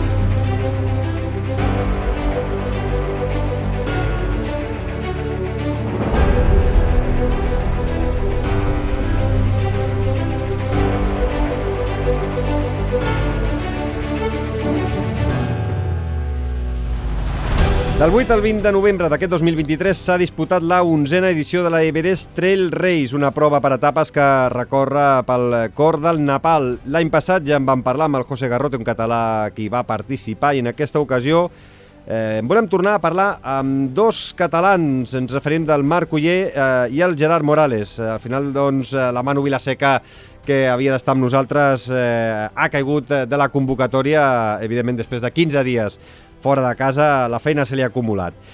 Tots ells repeteixen el Fem Muntanya. Eh, Marc i Gerard, ben tornats eh, al Fem Muntanya. Namasté. Ei, namaste, com esteu? Com estàs, Marc? Namaste, Xavi, què tal? Primer tot, eh, moltíssimes gràcies eh, perquè hem de dir als eh, nostres oients que estem gravant això, eh, res, mm, poc més de 24 hores de- d'haver aterrat vosaltres a, a Catalunya després d'un llarg viatge. Eh, la feina s'us ha acumulat i poder compaginar la- l'agenda de tots nosaltres ha sigut bastant, eh, doncs, un, el que seria jugar al Tetris eh, i al final doncs, eh, també teníem la mano per aquí al mig i no ha encaixat la peça. Llàstima, eh, i ja l'escoltarem eh, en propers capítols de, del Fem Muntanya, que sempre és interessant eh, d'escoltar a la Manu. Ja que us tinc a vosaltres dos, que és un plaer, eh, tornar, a, tornar a, par a parlar amb vosaltres, eh, sou gent de, de... que us agrada xerrar, Eh, espero doncs, eh, que, bueno, no sé, que duri la conversa el que hagi de durar, eh? però eh, la darrera que vam fer amb el Marc va durar una hora i pico i amb el Gerard també són, se'ns allarguen. Així que intentarem només centrar-nos amb la vostra aventura a l'Everest i intentar no, no viatjar gaire més. Com esteu després d'aquest eh, llarg viatge de, de tornada? Eh, com estan les cames després d'un esforç eh, llarg de, de sis dies i després de gairebé 24 hores volant? Eh, com, com us eh, trobeu ara mateix? Eh, qui comença? Marc, va, que tu has, que has fet una segona posició i el Gerard just per darrere, una tercera posició a la general. Bueno, amb realment recuperat, sí que és cert que he tornat amb una mica, uh, crec que gairebé com tots a l'expedició, amb mals de caps, uh, mals de coll mig constipat, però bueno, uh, ja fa un dia que estem aquí a Catalunya i estic començant a recuperar una mica uh, aquest, aquest estat físic, però bueno, a nivell de cames i això no ho sé perquè l'últim dia que vaig córrer, diguem-ne, va ser al Nepal bueno, m'estic prenent un, un temps de descans ara, així que, que bueno, segurament de cames i tal, si m'hi fiqués eh, em sentiria cansat, però, però no és la meva preocupació, no? la meva preocupació ara és menjar i descansar i, i treballar. I tu, Gerard, què? Com estàs ara? Doncs igual, igual que ha dit en Marc, eh, també hem portat des de Nepal un bon refredat. Eh, a mi m'ha costat una mica adaptar-me al dia a dia perquè també amb una mica de mal de cap i de més, i igual que ell també, intentant descansar una miqueta, no, no, no hem tornat a sortir a córrer aquí, perquè a més aquí està fent, està fent fred i vent, i, i la veritat és que portava un parell de dies, bueno, des de que vam arribar, que jo prefereixo descansar una miqueta, fer un reset i, i d'aquí, jo què sé, d'aquí al cap de setmana, potser doncs, tornar a arrencar una mica molt suau, començar a fer algun quilometret, sobretot també per passejar els gossos, que ells sí que m'ho estan demanant i, i de moment els estem retenint a casa. Eh, dieu que heu tornat així refredats, eh, que aquí trobeu que fa fred. Eh, sempre recordem on ve el, la idea al cap, que estem al mes de novembre i que el Nepal també potser fa fred. Eh, heu passat fred allà o, o la meteorologia ha sigut benèvola, eh, Marc? Bueno, el, a Kathmandu, diguem-ne, que el temps era molt estable. De fet, no m'imaginava abans d'anar que m'estaria banyant a la piscina a les 7 del matí uh, al Kathmandu Um, pensava que realment feia més fred i bueno, allà era dia i temps de pantaló i màniga curta i com a molt una mica de rebequeta al, al vespre. Sí que és cert que un cop vam entrar a l'Himalaya i tot i campaments amb més alçada feia fred, però tampoc tan fred com el que em pensava que faria. Era un fred, diguem-ne, inclús més suau que el que pot fer aquí ara mateix a alta muntanya així que bueno, això per mi ha sigut una sorpresa de la novetada, no? M'imaginava unes condicions més dures i, i no han sigut tan dures en aquest sentit, però òbviament sí que el que potser més afectat és tot aquest ambient de contaminació i pols que hi ha a Kathmandu, que se't ficava pel coll, pel nas, per tot arreu i, i realment acabaves una mica perjudicat. Gerard, eh, quines alçades més o menys eh, transcorre la, la Everest Trail Race? Eh, i, i, i després, eh, clar, eh, ara ho deia el Marc, eh, durant el dia, inclús durant la cursa, tampoc eh, heu passat gaire fred. No, no, la, la veritat és una mica el que ha dit en Marc. Eh, tothom s'espera que faci molt més fred perquè estàs al Nepal, estàs a, bueno, a prop dels 8.000 i tot això, però les condicions no han sigut eh, exageradament fredes. Eh, nosaltres vam, vam començar el primer dia un campament a uns 2.700 metres, diria, d'alçada, i sí que és veritat que quan vam baixar de l'autobús, després de quasi 10 hores de viatge, va ser una mica heavy. Quan vam arribar sí que feia vent i feia fresqueta i la primera sensació va ser, bueno, aquí fa fred. Llavors, aquell primer dia vam pujar fins, al, fins a la meitat del Pikey Peak, que vam estar uns 3.500 metres, i allà vam fer nit. Aquesta nit sí que va ser freda, però sí que és veritat que tots anàvem bastant preparats. Jo crec que en Marc inclús més del compte, perquè l'havien avisat de, de temperatures baixes i, i portava força roba d'abric i un bon sac, Llavors, ell no, no crec que patís en cap moment aquest, aquest, aquesta sensació de fred. Però, bueno, la, cursa transcorre això, entre uns 2.500, potser una mica per sota a vegades, fins als 4.000 d'alçada màxima que vam fer, que era abans d'arribar a Tian Botxer. I però sí que és veritat que no ha sigut un... Jo crec que no ha sigut un dels anys més freds. Uh, L'any passat van estar alguna nit a menys 12 i aquest any jo crec que ens va comentar l'organització que havíem arribat a, a menys 7 o menys 8 una nit, però, però no teníem la sensació d'estar passant fred perquè dintre de, la, dintre de la tenda o del lodge on estàvem amb un sac i ben abrigats no, no, no tenies la sensació d'estar passant fred. Gerard, tu has repetit, és la teva segona participació, la Manu Vilaseca era la seva tercera participació, el Marc s'estrenava. Uh, Gerard, què és el que ha fet eh, doncs, que repetissis eh, en aquesta cursa? Bàsicament l'experiència l'experiència de tornar al Nepal.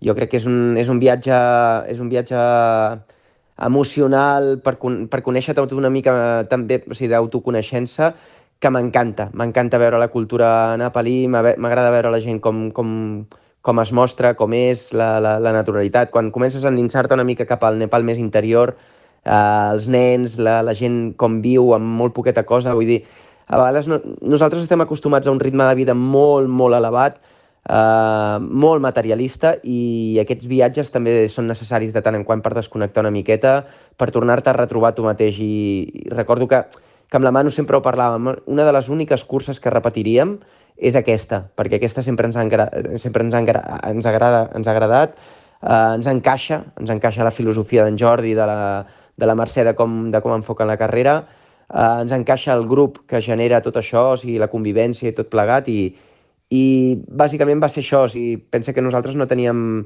el calendari tancat encara a finals de temporada, estàvem una mica mirant això i la Mercè ens va trucar cap al mes de juny, juliol, ens va dir «Ei, Blacky, Manu, com ho veieu?» I li vam dir endavant, anem cap allà, sí o sí. És, és, ja et dic, és dels únics viatges, de les úniques curses que, que tenim marcada el calendari com a «eh, tornaria cada any». Marc, i, i, i què és el que ha fet que, que t'hi decis de cap, a, cap, a la, cap al Nepal, cap a l'Everest Trail Race? Bueno, doncs a mi, igual que el Gerard, no? em va sortir l'oportunitat, eh, de fet, no, un mes abans pràcticament de la cursa, sí que és cert que tenia la temporada que em finalitzava a finals d'octubre, bueno, mig octubre, amb la Copa d'Espanya, i a partir d'aquí doncs, ja em volia prendre un, uns dies de descans, però em havia sortit ja l'oportunitat de, de fer consecutivament dues curses per etapes, que va ser l'Euràfrica i després l'Everest Trail Race.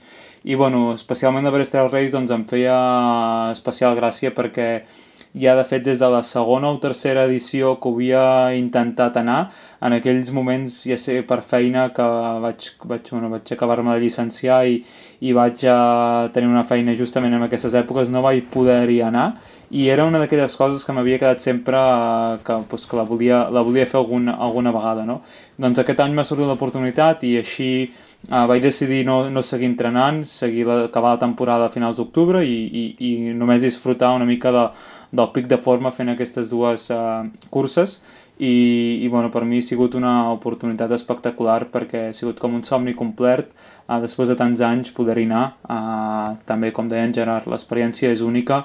Jo no havia estat mai al Nepal i només el fet d'estar al Nepal ja deixant de banda la, l'experiència de, de la muntanya però només el que veus a Kathmandu uh, el xoc cultural que hi ha però sobretot uh, no m'imaginava veure al Nepal tot el que he vist i, i bueno, és una a, nivell, a nivell personal uh, m'ha omplert molt, bueno, penso que és una experiència realment única, no? Uh, T'engrandeix com a persona i també et fa reflexionar una mica de, de tot el dia a dia que tenim i les diferències entre, entre el que estem acostumats i el que arribes a veure allà. I, de, no, no, t'anava a preguntar, Marc, eh, tu que has anat per primer cop a, al Nepal, que, clar, el, el Gerard ja ho ha vist en dues ocasions, ja ha vist a Katmandú dues vegades, ha vist eh, doncs, eh, el Nepal, l'Himalaya, doncs, en, fins a dues ocasions, eh, la Manu fins a tres, Eh, clar, en, en el teu cas, Marc, eh, que t'has estrenat, no sé si t'havies eh, preconcebut una idea, diuen que si vas al, eh, al Nepal durant uns quants dies, una temporada, en aquest cas tu has estat uns 10 dies eh, la cursa, més uns dies abans i uns dies després, eh, realment eh, és així com diuen, que, que tornes diferent, eh, amb una altra perspectiva, eh, és veritat que, que valores molt més tot el que tenim a casa nostra, en el nostre dia a dia? Indiscutiblement, i tant. Uh, i, I de fet per mi ha sigut uh, més sorpresa de la que, de la que m'esperava, no? Tenia unes expectatives i, i realment al Nepal l'he vist uh, parlant honestament molta més misèria de la que m'imaginava que veuria i veus coses que realment pues, et fan reflexionar de, del que tenim, de fins a quin punt tenim més del que necessitem, no?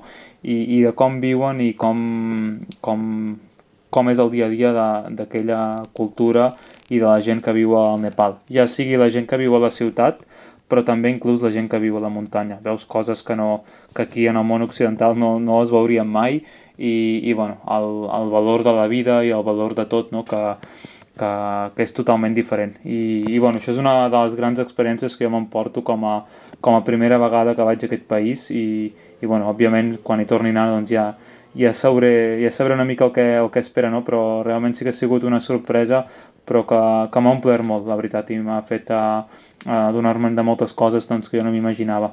De fet, pensava que veuria una cosa semblant a la que poder, podem estar més acostumats si anem a països eh, veïns com el Marroc, per exemple, però, però bueno, el Marroc el veig com un país molt avançat doncs, si compares amb el Nepal. Llavors, eh, en aquest sentit ha sigut molt gratificant.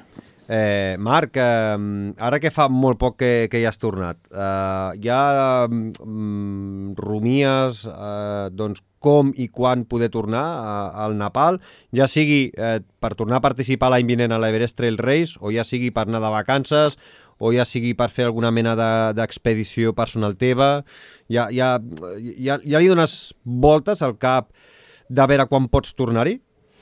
No, el quan no hi dono voltes, al tornar-hi sí que tornaré, uh, sí que tornaré a fer la cursa, això està clar, uh, una primera vegada és, és el primer tastet i aquesta cursa és la segona vegada, no?, la que s'hi ha d'anar uh, realment a fer-ho fer, bé i, i el que sí que m'agradaria és, bueno, tenia ja també projectes de, abans quan era més jove i feia molt més alpinisme, de projectes de, de fer algun cim i tot, perquè el meu objectiu a, a, que tenia doncs, quan era més jove era, era fer, fer cims a, eh, dels importants aquí a l'Himalaya, però, però fer-ho a passets petits, no? començar per 6.000, 7.000, bueno, una mica de progressió malauradament eh, el fet de viure fora i les demandes meves d'estudis i, i de feina doncs em van fer que, que algunes expedicions que havia planificat amb amics finalment no hi hagués pogut anar i perdés totes les oportunitats de viatges al Nepal de fa els últims 10-15 anys. Llavors, eh, realment, com deia, aquesta ha sigut la primera vegada que he anat al Nepal, en aquest cas per anar a fer una cursa, però sí que m'agradaria tornar-hi i dependrà també una mica de,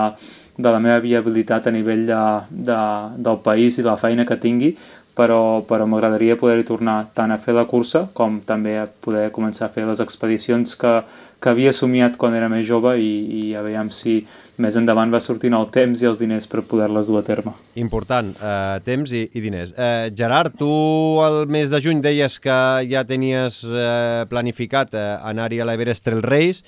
Eh, no sé si això significa que l'has pogut entrenar amb una mica més de, de seny, o no t'ha fet eh, canviar gaire els plans d'entrenament de, des del juny fins, fins ara al novembre?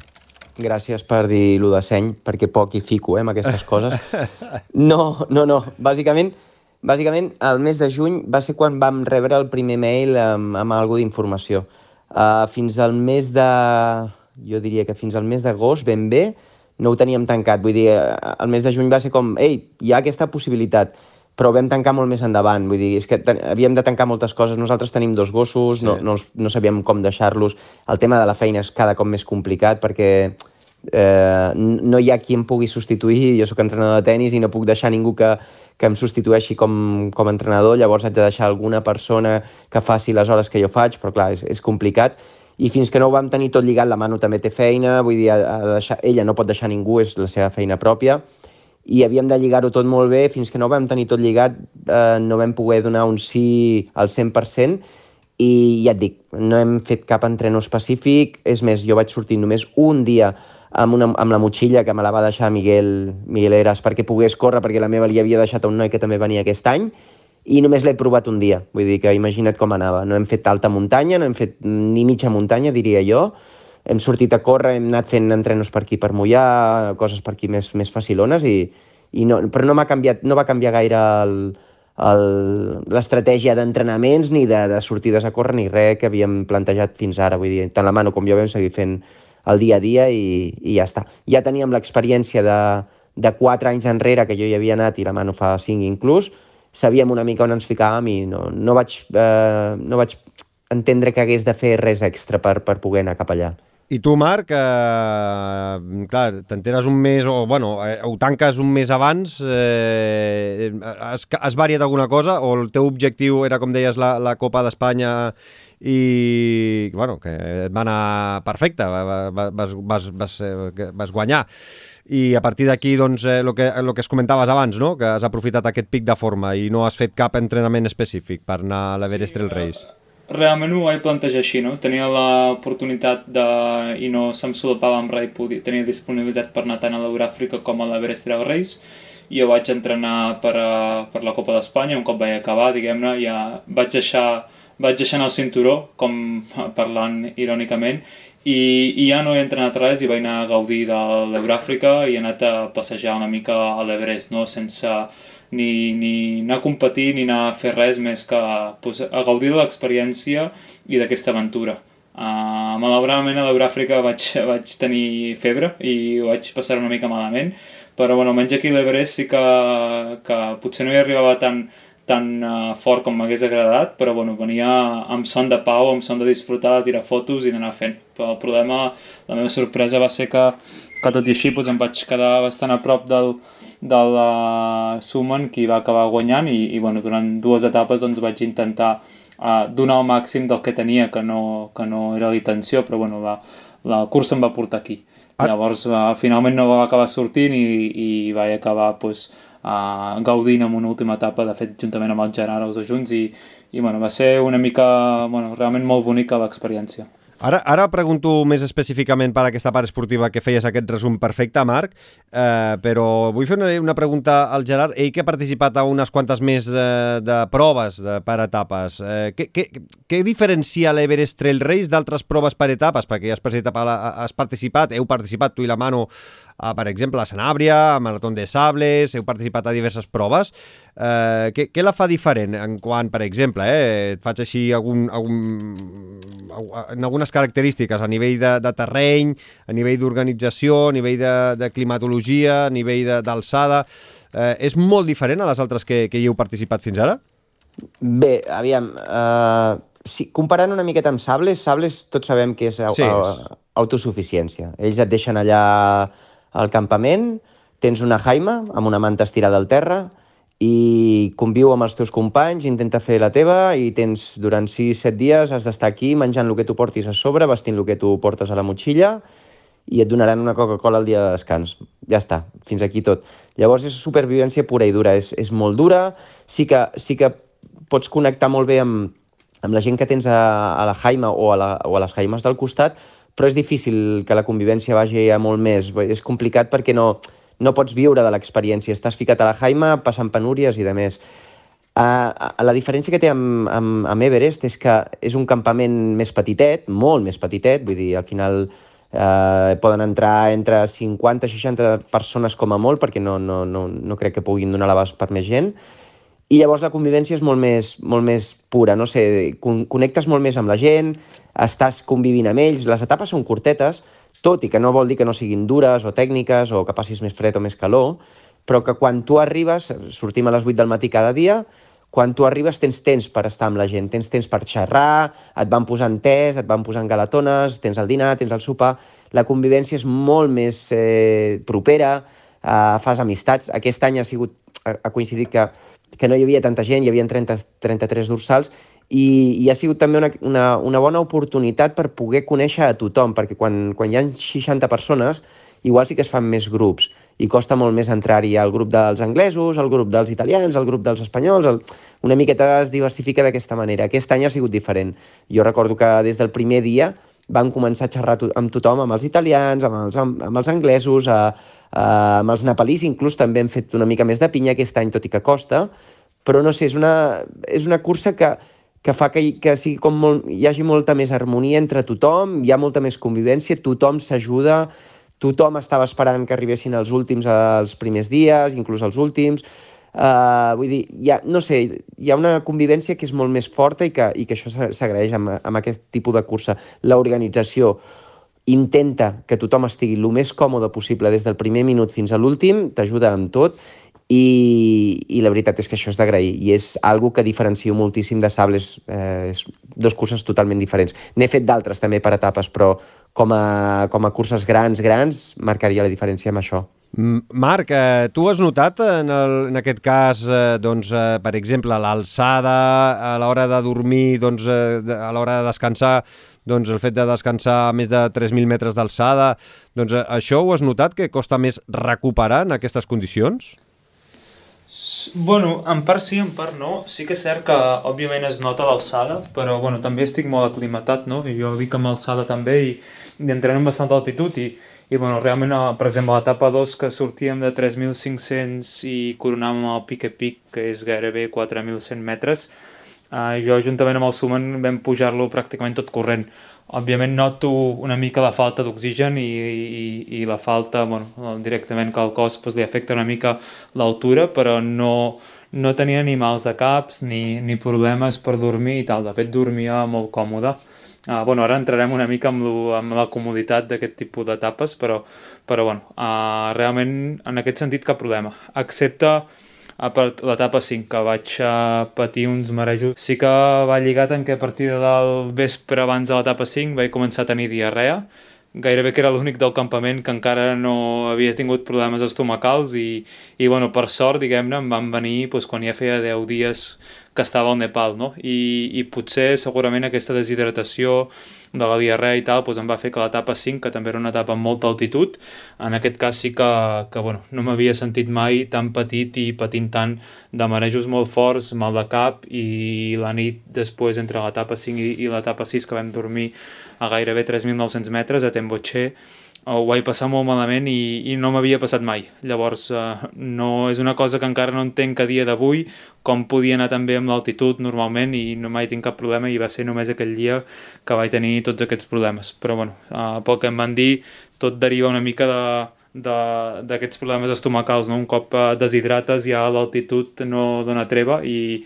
i els, els mals d'alçada s'exemplifiquen pues, i, i en aquest cas jo ho vaig patir en primera persona a l'etapa 5, que és ja quan, quan ja vaig deixar de lluitar amb el, amb el Summon, en què aquella etapa sí que vaig perdre molt de temps i ja era impossible retallar-ho a l'últim dia. Mm, o, o sigui, ara em volia parlar després, eh, però ja que, que ho has tret, eh, clar, eh, les tres primeres etapes eh, les guanya en Roman Uh, res, a, a pocs segons arribes tu, no, no treu gran, molt de temps, la quarta etapa la, la guanyes tu i per pocs segons eh, i sí que és veritat, com deies, eh, la cinquena i la sisena és on et treu ja gairebé 30 minuts.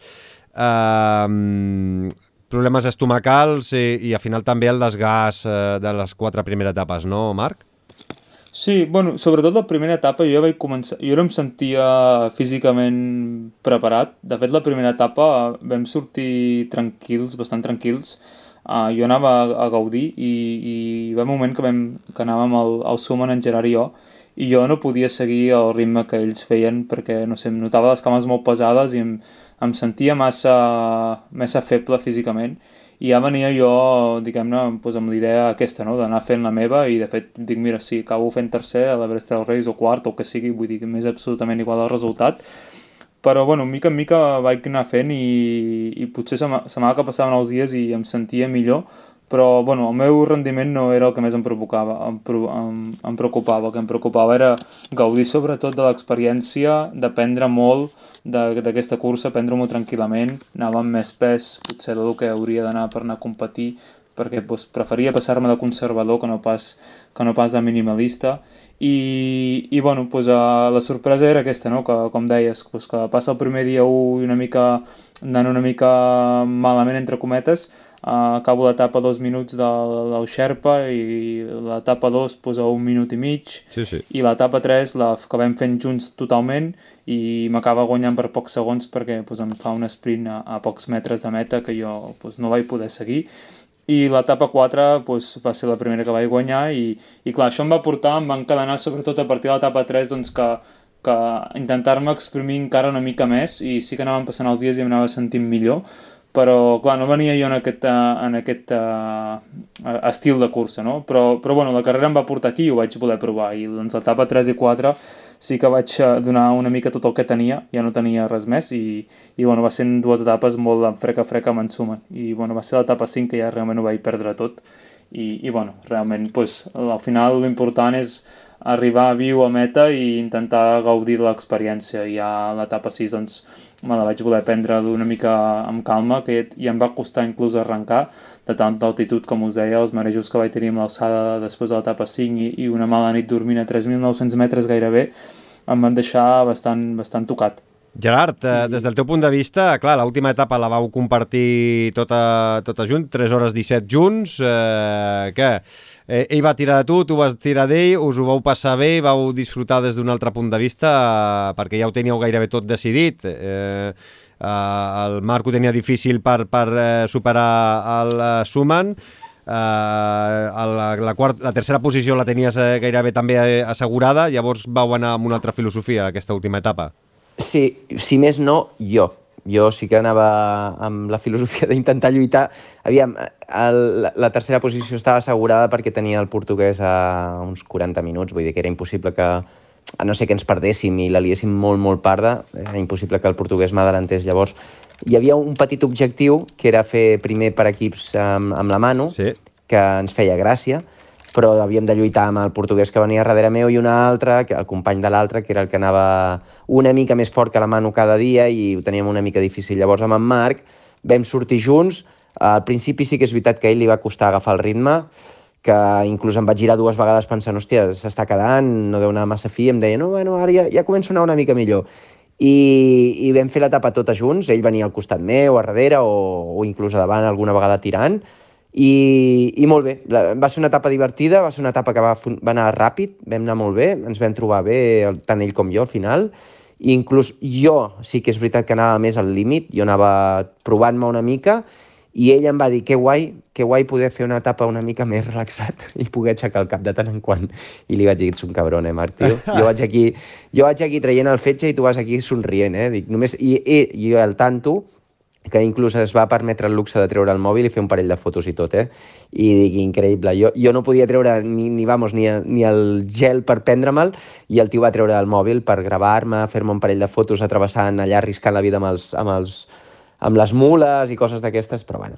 Va ser una etapa divertida, va ser una etapa que va estar molt bé. Ell és veritat que ja no tenia res a fer amb en Suman perquè ja se li havia anat el dia abans, i jo li agraeixo moltíssim que volgués fer l'etapa amb mi, compartir-la, perquè al final és el que ens emportem i, i va ser una experiència molt xula poder travessar la línia d'arribada aquest any amb ell.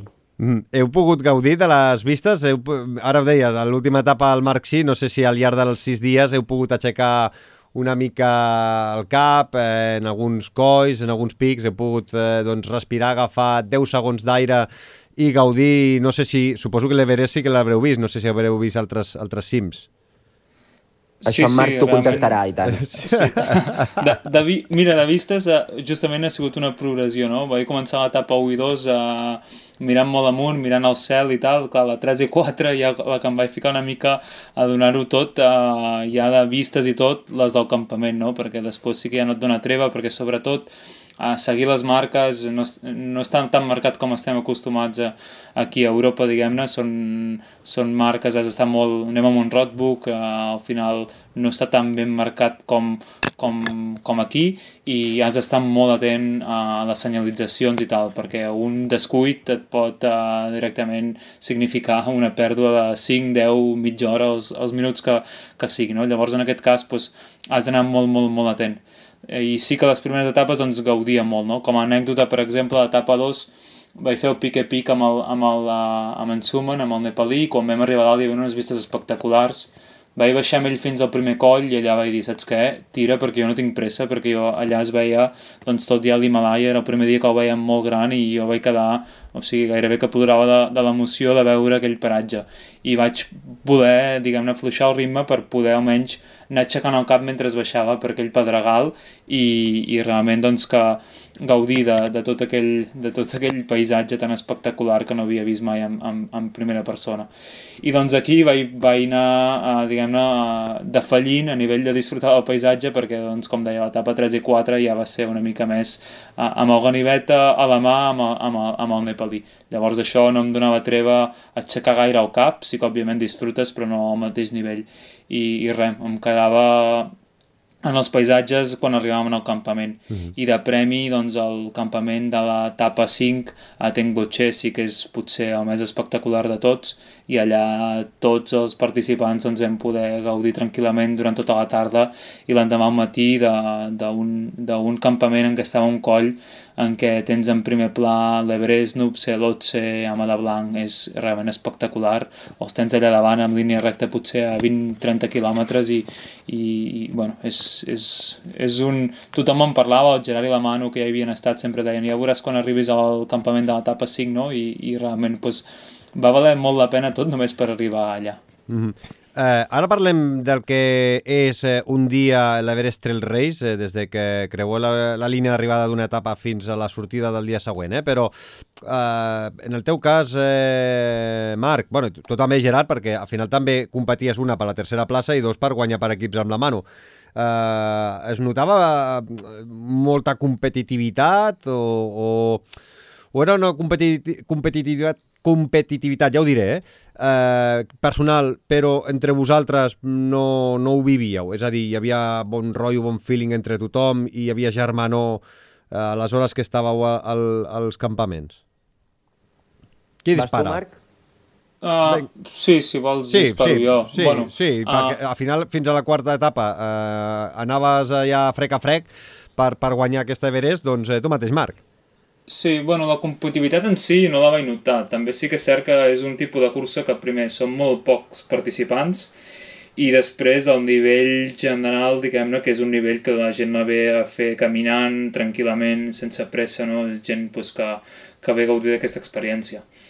Però sí que és cert que ha sigut la meva experiència la primera competint amb, amb una persona del Nepal i, i tot i que en aquest cas doncs, era una, una gran persona, realment un bon nano que t'ensumen, uh, clar, òbviament és un país, com dèiem abans, no? que els hi genera molta, molta misèria tot plegat i, i aquí amb pocs diners doncs vius molt, no? I aquí el premi econòmic de guanyar, tot i que per nosaltres potser és irrisori, doncs per ells és diguem-ne com el trofeu que els hi pot mantenir una mica el, el, el menjar a la despensa durant pràcticament tot l'any de, de, de, del, de, bueno, uns, uns mesos, no? mig any o un any o que sigui. No? Llavors, realment, doncs, sí que jo vaig notar, sobretot eh, competint amb aquest nepalí, que quan ell se'n va donar que jo era el seu rival, Uh, la competitivitat feia temps que no veia una mica una competitivitat així, no? de coses que no passen a Europa com uh, jo anant primer en tota una etapa i arribant amb ell a 500 metres de meta i que em faci un sprint per treure en 20 segons quan ell seguia anant primer a la general. Són aquest tipus de coses que no s'entenen no s'entenen si no uh, uh, bueno, si no ho vius, no? perquè realment a Europa doncs, això no passaria o seria una mica de poc fair play i tal, però aquí sí que doncs, vaig poder-ho veure, no? Clar, aquesta persona, per ell era molt important aquests, aquest premi econòmic eh, i, i, bueno, potser per mi no ho era tant i era més l'experiència, no? Però, però sí que la meva única competitivitat la vaig veure amb ell. Uh, deixant estar d'això... Disculpa, Marc, i, de, i, de, i, de, i el premi econòmic de, de quan era eh, pel primer, segon i eh, tercer classificat? En principi són 1.000 euros pel primer classificat. I el segon i el tercer també teniu premi econòmic a, o només el en primer? En principi sí, és 50% i 50%, per tant 500 i 250. Eh, així que, eh, diguéssim que tu t'has emportat 500 i el Gerard 250 euros. Do, 250.000, sí. jo, eh? a mi m'han dit 250.000 o alguna així. Falta, ara reclama-li al Jordi Amat que, que et passi els zeros, com a mínim els ara, zeros. Ara, vaig a parlar. Parlarem ell després a veure si, si està tot clar, perquè em va semblar entendre això i ara no vull semblar una mica estúpid, eh? però, però bueno. clar, si no, què, què hi fas deixant mullar per anar a córrer a l'Everest no. Trail Race? Per favor, per 250 euros no, sisplau. que gran. Eh, eh, escolta, eh, parlem de, del que és eh, una miqueta el dia a dia. Eh, més o menys, a quina hora us, eh, us posàveu cada dia? Us, eh, començàveu a la mateixa hora eh, totes les etapes o depenia eh, si, si l'etapa havia de ser més llarga o, o no? La primera etapa vam començar-la, si no m'equivoco, eh? i en Marc em corregirà, que se'n recordarà millor que jo, però jo crec que vam començar a les 8 i mitja del matí perquè tot just havíem aterrat el dia abans amb, amb, amb el tema de l'autobús, eren moltes hores, jo crec que començàvem mitja horeta abans. Ens lleven a les 6 del matí. Et lleven els xerpes, et diuen good morning i et, fiquen, et porten un te a la, a la, a la tenda on estàs. Et prens el teu te tranquil·lament i després tens els temps marcats per anar a esmorzar i per anar a buscar, i per anar a buscar el que és l'aigua, els gels, les barretes que ells et donen. Uh, L'hora de sortida després, a partir del primer dia, sempre era la mateixa hora per tothom, menys uh, un grup que eren els que anaven més lents que els feien sortir a les 7 del matí. O sigui, a partir del segon dia, un grup sortia a les 7 del matí i l'altre grup sortia a les 8 del matí. Però l'hora d'aixecar-te, jo diria que sempre era a les 5 i mitja, a partir del... a les 5 i 5 i mitja del matí. Després es van ajustant encara més. Déu, Déu-n'hi-do. Déu I aquí Sí, però és que tampoc, tampoc tens res a fer, vull sí. dir, imagina, allà es fa de nit a les 5, dos quarts de 6 i ja és fosc. Sí. Vale? El sopar el teníem a, les, a, a dos quarts de 7 sopàvem, estàvem allà, fèiem la sobretaula, que al final ens quedàvem sempre un grupet allà xerrant, però compte que com a molt, molt tard, a les 9, però com a molt tard, a les 9 ja estàvem tots a, Clar. a dintre de les tendes i ja intentant dormir. Vull dir que al final, sí. que et llevin a les 5 del matí a les 5 i mitja és com, vale, ja, ja estava despert fa estona. Sí, sí, sí, sí. També tens raó perquè són 5 i 3, són 8 hores que ja estàs de, eh, dormint ben bé, com a molt. Sí. O, com a mínim, en aquest cas. Uh, Sí. lla- Llavors, eh, comptant de que estàveu entre 3 4 hores vosaltres, això vol dir que si començàveu allà a les 8 del matí, uh, a les 12, 12 i mitja ja, ja estàveu al següent campament. Exacte, els primers ja aterraven. En Marc i en Suman arribaven bastant més, a, més ràpid que els altres, després arribàvem la resta, però sí, teníem molt temps per descansar. Vull dir que al final tampoc pots fer gaire més. Estàs... Sí que és veritat que tens una tenda muntada, que és on tens el menjador i tot això, i allà és on feien vida. Al final tothom anava cap allà, tens el te, el te durant tot el dia, o la llet, vull dir que tens unes galetes, eh, podies anar a dinar, podies estar fent el berenar, anàvem allà, xerràvem i estàvem unes bones estones allà, vull dir que, que la, la, la gran part del, de, del temps el passàvem a, a la sala menjador. Sortíeu a caminar una mica al voltant del campament? No sé si hi havia zona per, per sortir, doncs, eh, no sé, eh? no dic de fer una excursió, perquè després d'una cursa igual no et ve de gust caminar molt, però com a mínim, ja que estic en aquest campament, doncs intentar enfilar una miqueta perquè aquí es poden tenir bones vistes, o, o un cop ja acabàveu eh, l'etapa, descans absolut des de les 12 i mitja del migdia fins eh, a l'hora d'anar a dormir. Marc, aquesta és tu- teva, va. Vinga, va. Sí, bueno, aquí depèn de la gent, no? Hi havia, hi, havia, hi havia gent que arribava, com deia en Gerard, més, més tard i, òbviament, doncs, s'anava entre dutxar, dinar i tot i ja s'anaven directament a la tenda ja ben cuits. Uh, jo, realment, doncs, quan arribàvem, dutxava, anava a dinar molt aviat, uh, normalment a les 12 era quan ja tenien el menjar fet i ja dinava llavors, i sempre m'anava a fer una mica de migdiada, que a vegades podia dormir, a vegades no, perquè també va arribar la gent i va fent ciroll, però, però bueno, em ficava a descansar una mica i sí que després doncs, uh, m'intentava activar una mica a la tarda i anava a caminar o anava, o anava a la tenda on fèiem la comunió, diguem-ne aquí la tenda menjador i a parlar amb un, a parlar amb l'altre i, i bueno, una mica fer vida social. En el meu cas jo no em vaig voler agafar cap uh, SIM, diguem-ne, targeta de telèfon o nepalí, així quedava una mica desconnectat de tot, també només fer servir un mòbil per tirar fotografies, diguem-ne, i, i així doncs eh, realment no tenia res a fer, no? com diu el Gerard, més que parlar amb la gent i descansar.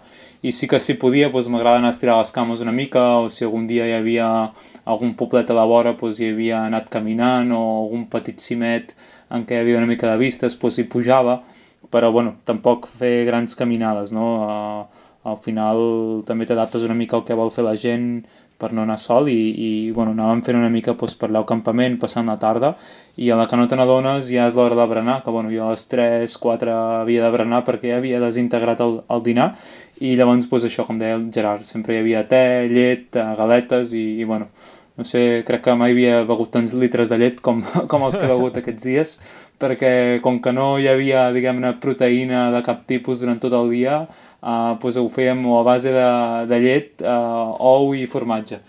Llavors uh, intentava anar bevent llet com podia i, i em feia un, un, una mica de llet amb quatre galetes a les 3 de la tarda i així ja matava una mica el temps fins a l'hora de, de, i la gana fins a l'hora de sopar que cada dia era dos quarts de set, que llavors sí que estàvem tot el grup ja allà i, i bueno, era molt bonic perquè tots, doncs, tothom tenia uh, moltes ganes de menjar, d'estar junts, tothom ja havia arribat, no? era aquella felicitat d'haver arribat, però a la vegada uh, de menjar bé per, per preparar-nos per l'etapa del dia de demà.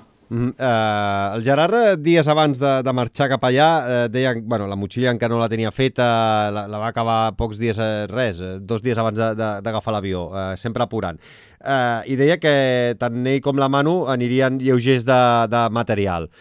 Uh, clar, tot el que és tema de menjar i tot, uh, ho teníeu allà, Llavors, no sé al final eh, quan us ha passat la motxilla i què és el que heu arribat a, a portar. Marc, tira-li, va. Uh, tu, Bueno, sí, em fa una mica de vergonya dir el meu pes comparat amb el del Gerard, però el següent any que torni a venir la meva motxilla pesarà menys que el del Gerard. uh, I la meva pesava 4 quilos i mig. Uh, jo realment vaig tenir el dubte una mica en, en, en què fer en aquest sentit i com deia, vaig fer una aposta conservadora, tot i ser conservadora crec que vaig anar bastant, bastant lleuger, però òbviament el pes a la motxilla i sobretot el volum que té ella fa molt, vull dir, es nota moltíssim tant a les pujades al cap dels dies, però també les baixades, en aquella agilitat, en, en tot, i, i després també en el mal d'esquena, perquè per molt que vagis amb motxilles més tipus xaleco, com la que portava jo, Uh, realment t'acabes repicant una mica l'esquena i bueno, jo vaig tenir inclús uh, blaus a l'esquena després de tots els dies, no? tant desnivell de pujada i de baixada, et deixava una mica tocat. I, i ja et dic, vaig anar amb 4 quilos i mig uh, sense comptar el menjar, diguem-ne, el que era material en si. I, i bueno, no vaig passar fred, de fet em va sobrar material, vull dir, jo també anava amb un sac de dormir de quan era més jove i feia alpinisme, de que realment potser era massa calent pel que necessitava i podia anar amb sacs de, de dormir més lleugers que ja potser m'estalviaria uh, 400 grams, 500 però bueno, vaig, això, vaig voler fer una aposta conservadora, portant més material i, i tot i així vaig aconseguir anar amb 4 quilos i mig. L'organització fica un mínim de, de 3. Clar, clar, el material que, que, que heu de portar vosaltres, que és tot el material que necessiteu de, de, de roba, els sacs, sí, eh, menys, menys menjar, tu has de portar, tota la tot, resta. Tot el material l'has de portar tu, excepte el menjar. Llavors hi ha un material obligatori que t'exigeix sí. l'organització, com el sac de dormir de menys 10, uh, un plumes, un tallavents, un impermeable, unes bambes, una brújula, un, un encenedor, imperdibles, manta tèrmica, etc. Llavors hi ha aquest material, un material mínim, i tu a partir d'aquí pots decidir si portes més coses o no, no?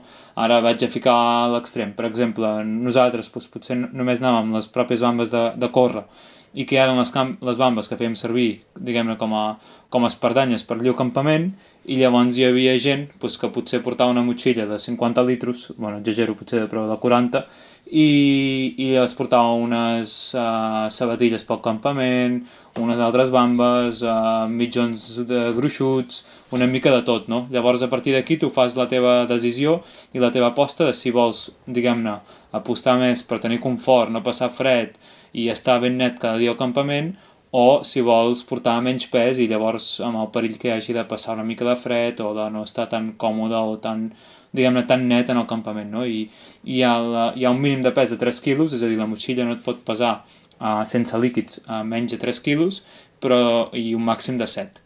Llavors la gent doncs, li pesava uh, 5, 5 i alguna més o menys la mitjana de la gent estava sobre, sobre aquests pesos. I al final, Gerard, tu què deies que volíeu anar minimalista, què? 3 quilos? Jo, jo, vaig, jo vaig anar bastant minimalista. Jo 3 300. Vas, a, vas haver de posar una mica de lastre o no? Home, un dia, un dia, un dia quan, quan em van fer els primers, ens van fer el control de, del passatge de la, de la motxilla quan vam arribar a Tiambotxe i estava mig acollonit perquè, clar, jo havia posat el Tailwind, que anava amb sobres, i, i ho havia ficat tot allà. Llavors, clar, quan vaig arribar em van dir has de passar el control de pes, el que passa que no havia passat el mòbil el dia que el van fer, ¿vale?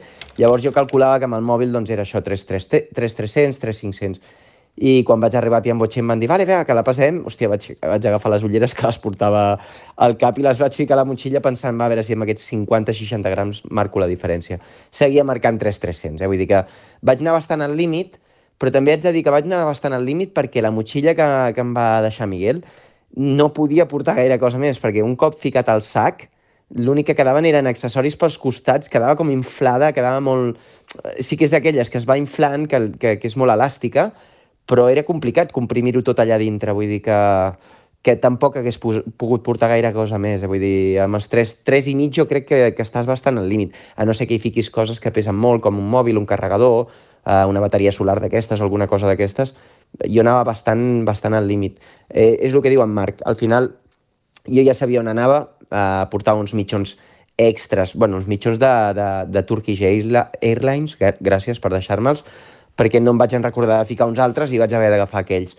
Però tampoc portava gaires coses extras, vull dir, no portava cap samarreta de més, no portava cap pantaló de més, només portava la roba eh, que t'obligaven i el sac, etc etc i la resta de coses era com... Sabia que igual no ho necessitaria i, i bueno, me la vaig jugar una miqueta cap aquí, em va anar bé, perquè, sincerament, la motxilla era molt còmoda, no vaig notar en cap moment allò que pesés massa, no vaig tenir rossadures, ni, ni cops, ni coses rares, perquè quedava molt agafada i, Vull dir que bàsicament en aquest sentit vaig acabar força content. Vaig acabant, eh, que ja portem una bona estoneta i de ben segur que tindreu coses a fer. Eh, escolta, una de les dades curioses que m'han eh, sorprès, a mi m'agrada a vegades doncs, mirar classificacions, és que la Start List, eh, la llista d'inscrits, eh, eren de 29 corredors eh, que vau començar i heu acabat els 29, eh, tant eh, homes com dones. Uh, no sé si és habitual en proves d'aquest tipus doncs, eh, que si no hi ha accidents doncs que tothom que comença acaba. Això vol dir que els temps de tall són amplis o, i que la gent ve molt preparada per a aquest tipus de, de proves, Marc? Uh, no ben bé això. Uh, aviam, sí que és cert que és una organització que intenta que tots els corredors, bueno, intenta no, realment aconsegueix que tots els corredors estiguin contents i aquí felicitar-ho perquè realment costa veure uh, organitzacions que es preocupin pel corredor aquest, el nivell de detall i, i que arriba a fer doncs, tant el Jordi com, com la Mercè no? aquí en la Brestra Reis però per altra banda, doncs clar, que tots siguin finishers no vol dir que tots estiguin preparats l'inconvenient que hi havia és que hi havia dies doncs, que hi havia certes, certs participants que no arribaven al tall en algun dels controls de pas i l'organització ho, ho diguem-ne donava la possibilitat de fer un recorregut alternatiu eh, i tornar al camp base, diguem-ne, al campament de, de meta per una via més directa. Llavors, clar, segons el reglament, realment això, o que havia passat molts cops, és que, que derives en un trekking o quedes, diguem-ne, fora de cursa, però en aquí, en aquest cas, no sé si perquè eren menys gent o així, doncs cada dia es donava aquesta alternativa fins que a l'etapa 3, en què era una etapa bastant dura, amb, un, amb, un gran, amb una gran pujada i uns 2.000 i alguna de desnivell uh, seguits de baixada, uh, doncs uh, ja de bon començament es va donar la possibilitat a la gent d'escollir dos traçats, en què si escollien el traçat que tallava tot aquest desnivell se'ls hi ficaria 4 hores de penalització. Llavors, clar, uh, què passava? Que molta gent que no estava preparada doncs, va escollir aquesta alternativa, a canvi d'una penalització de 4 hores. Que clar, molts d'ells deien 4 hores per mi és un premi perquè jo tardaria més de 4 hores a fer el recorregut normal sense fer, uh, diguem-ne, més a més, uh, comparat amb, la, amb aquesta alternativa. Llavors, bueno, això clar, feia que tothom arribés al campament, sigui més tard, sigui més d'hora, però que tothom arribés. Llavors, clar, aquí hi ha la dada aquesta de que sí que som 100% finishers, però no el 100% dels participants han fet el mateix uh, recorregut. Bueno, una de les dades eh, curioses és que, per exemple, el Suman Rai eh, va acabar amb 20 hores i, i escaig i, i en aquest cas, doncs, per exemple, els darrers classificats doncs, ho han fet a, a, gairebé a, a 40 hores eh, de diferència. Vull dir que amb 6 etapes, el que comentaves, eh, en, la, en aquesta etapa 3, eh, el Suman Rai i tu ho vau fer amb 4 hores i 11 minuts, tu 12 minuts, i el darrer classifica, els darrers classificats amb més de 12 hores. Sí, correcte, però ja, ja no era el mateix recorregut. No? Són les, quatre, són amb, amb, les quatre, amb les 4 hores de, de, hores de penalització. De penalització. Però, però clar, si haguéssim fet, per exemple, el recorregut mateix que nosaltres, segurament doncs, haguessin estat alguna més, no?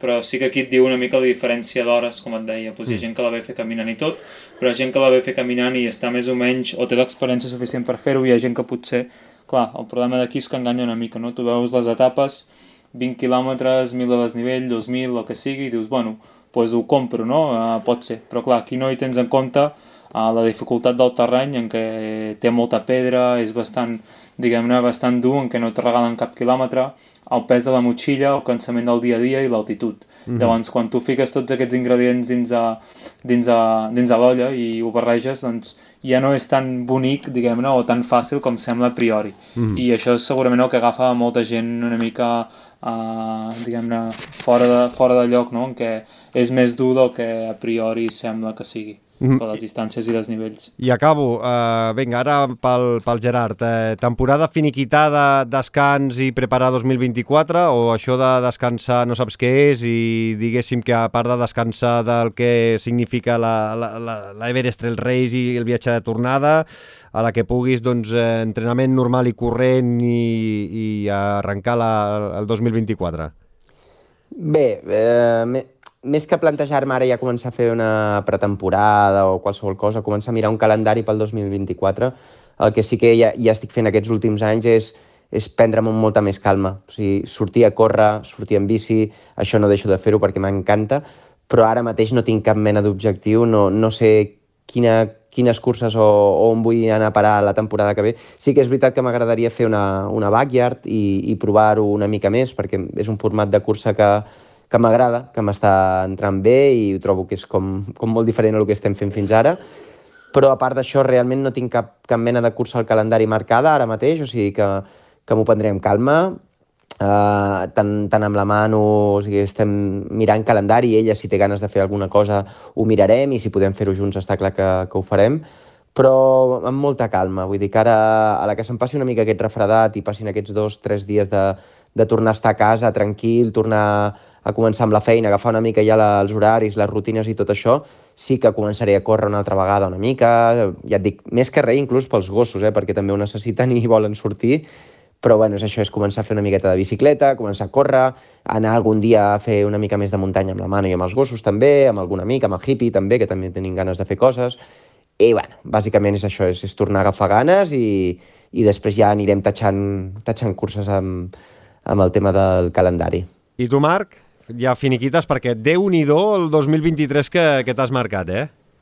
Sí, bueno, jo realment la meva última cursa que va, diguem a nivell de competitivitat va ser la Copa d'Espanya i com aquell qui diu sí que he fet aquestes dues per etapes, però, però bueno, me les he pres com dos passejos. Uh, de fet, vaig anar a l'Everest Trail Race ja gairebé amb 4 quilos de més de com vaig acabar la Copa d'Espanya, per tant, realment el descans per mi va començar a partir del 22 d'octubre, quan vaig acabar la Copa d'Espanya, no? Uh, sí que és cert que ara també doncs, aquesta setmana estic fent 100% uh, de descans, no estic fent absolutament res, ni, ni una caminada, i, i bueno, no, encara no he pensat res de l'any que ve i no tinc ganes de pensar-hi perquè acabo de venir amb aquesta experiència del Nepal que m'ha portat molt i encara tinc al cap una mica pensant en tota aquesta experiència i, i estic una mica saturat també de, de la competició i de tot el que engloba això Llavors, bueno, que ara em plantejaré segurament en les pròximes setmanes que faig jo l'any que ve, uh, tant a nivell meu personal com, com de curses. Així que res, ara seguir gaudint de la gastronomia i del bon descans i, i bueno, segurament pues, a l'hivern, òbviament, rutes d'esquí i de muntanya i a nivell competitiu doncs, ja ho decidirem les pròximes setmanes.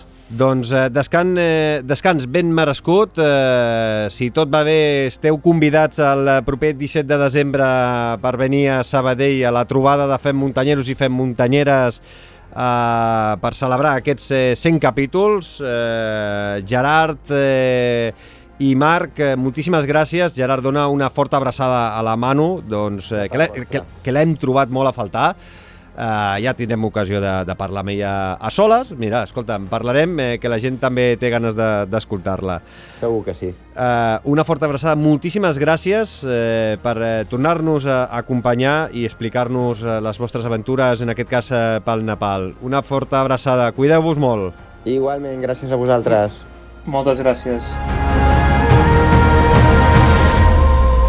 Subscriu-te al podcast de Fem Muntanya.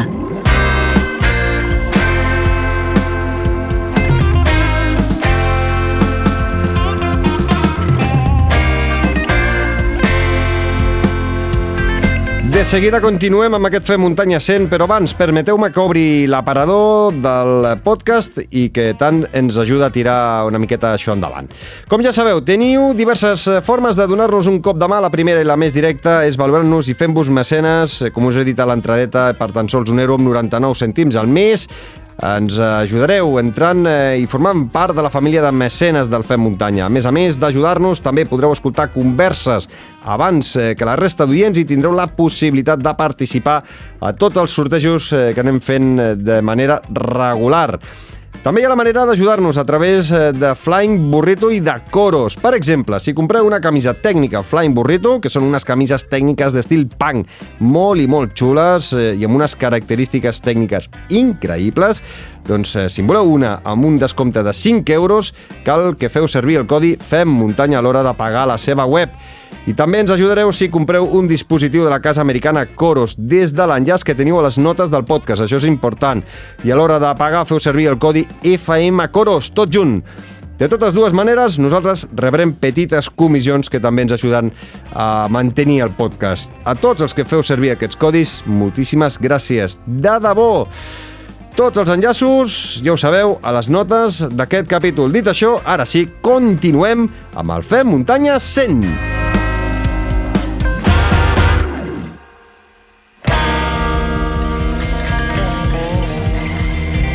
Fem muntanya, l'esport outdoor en català.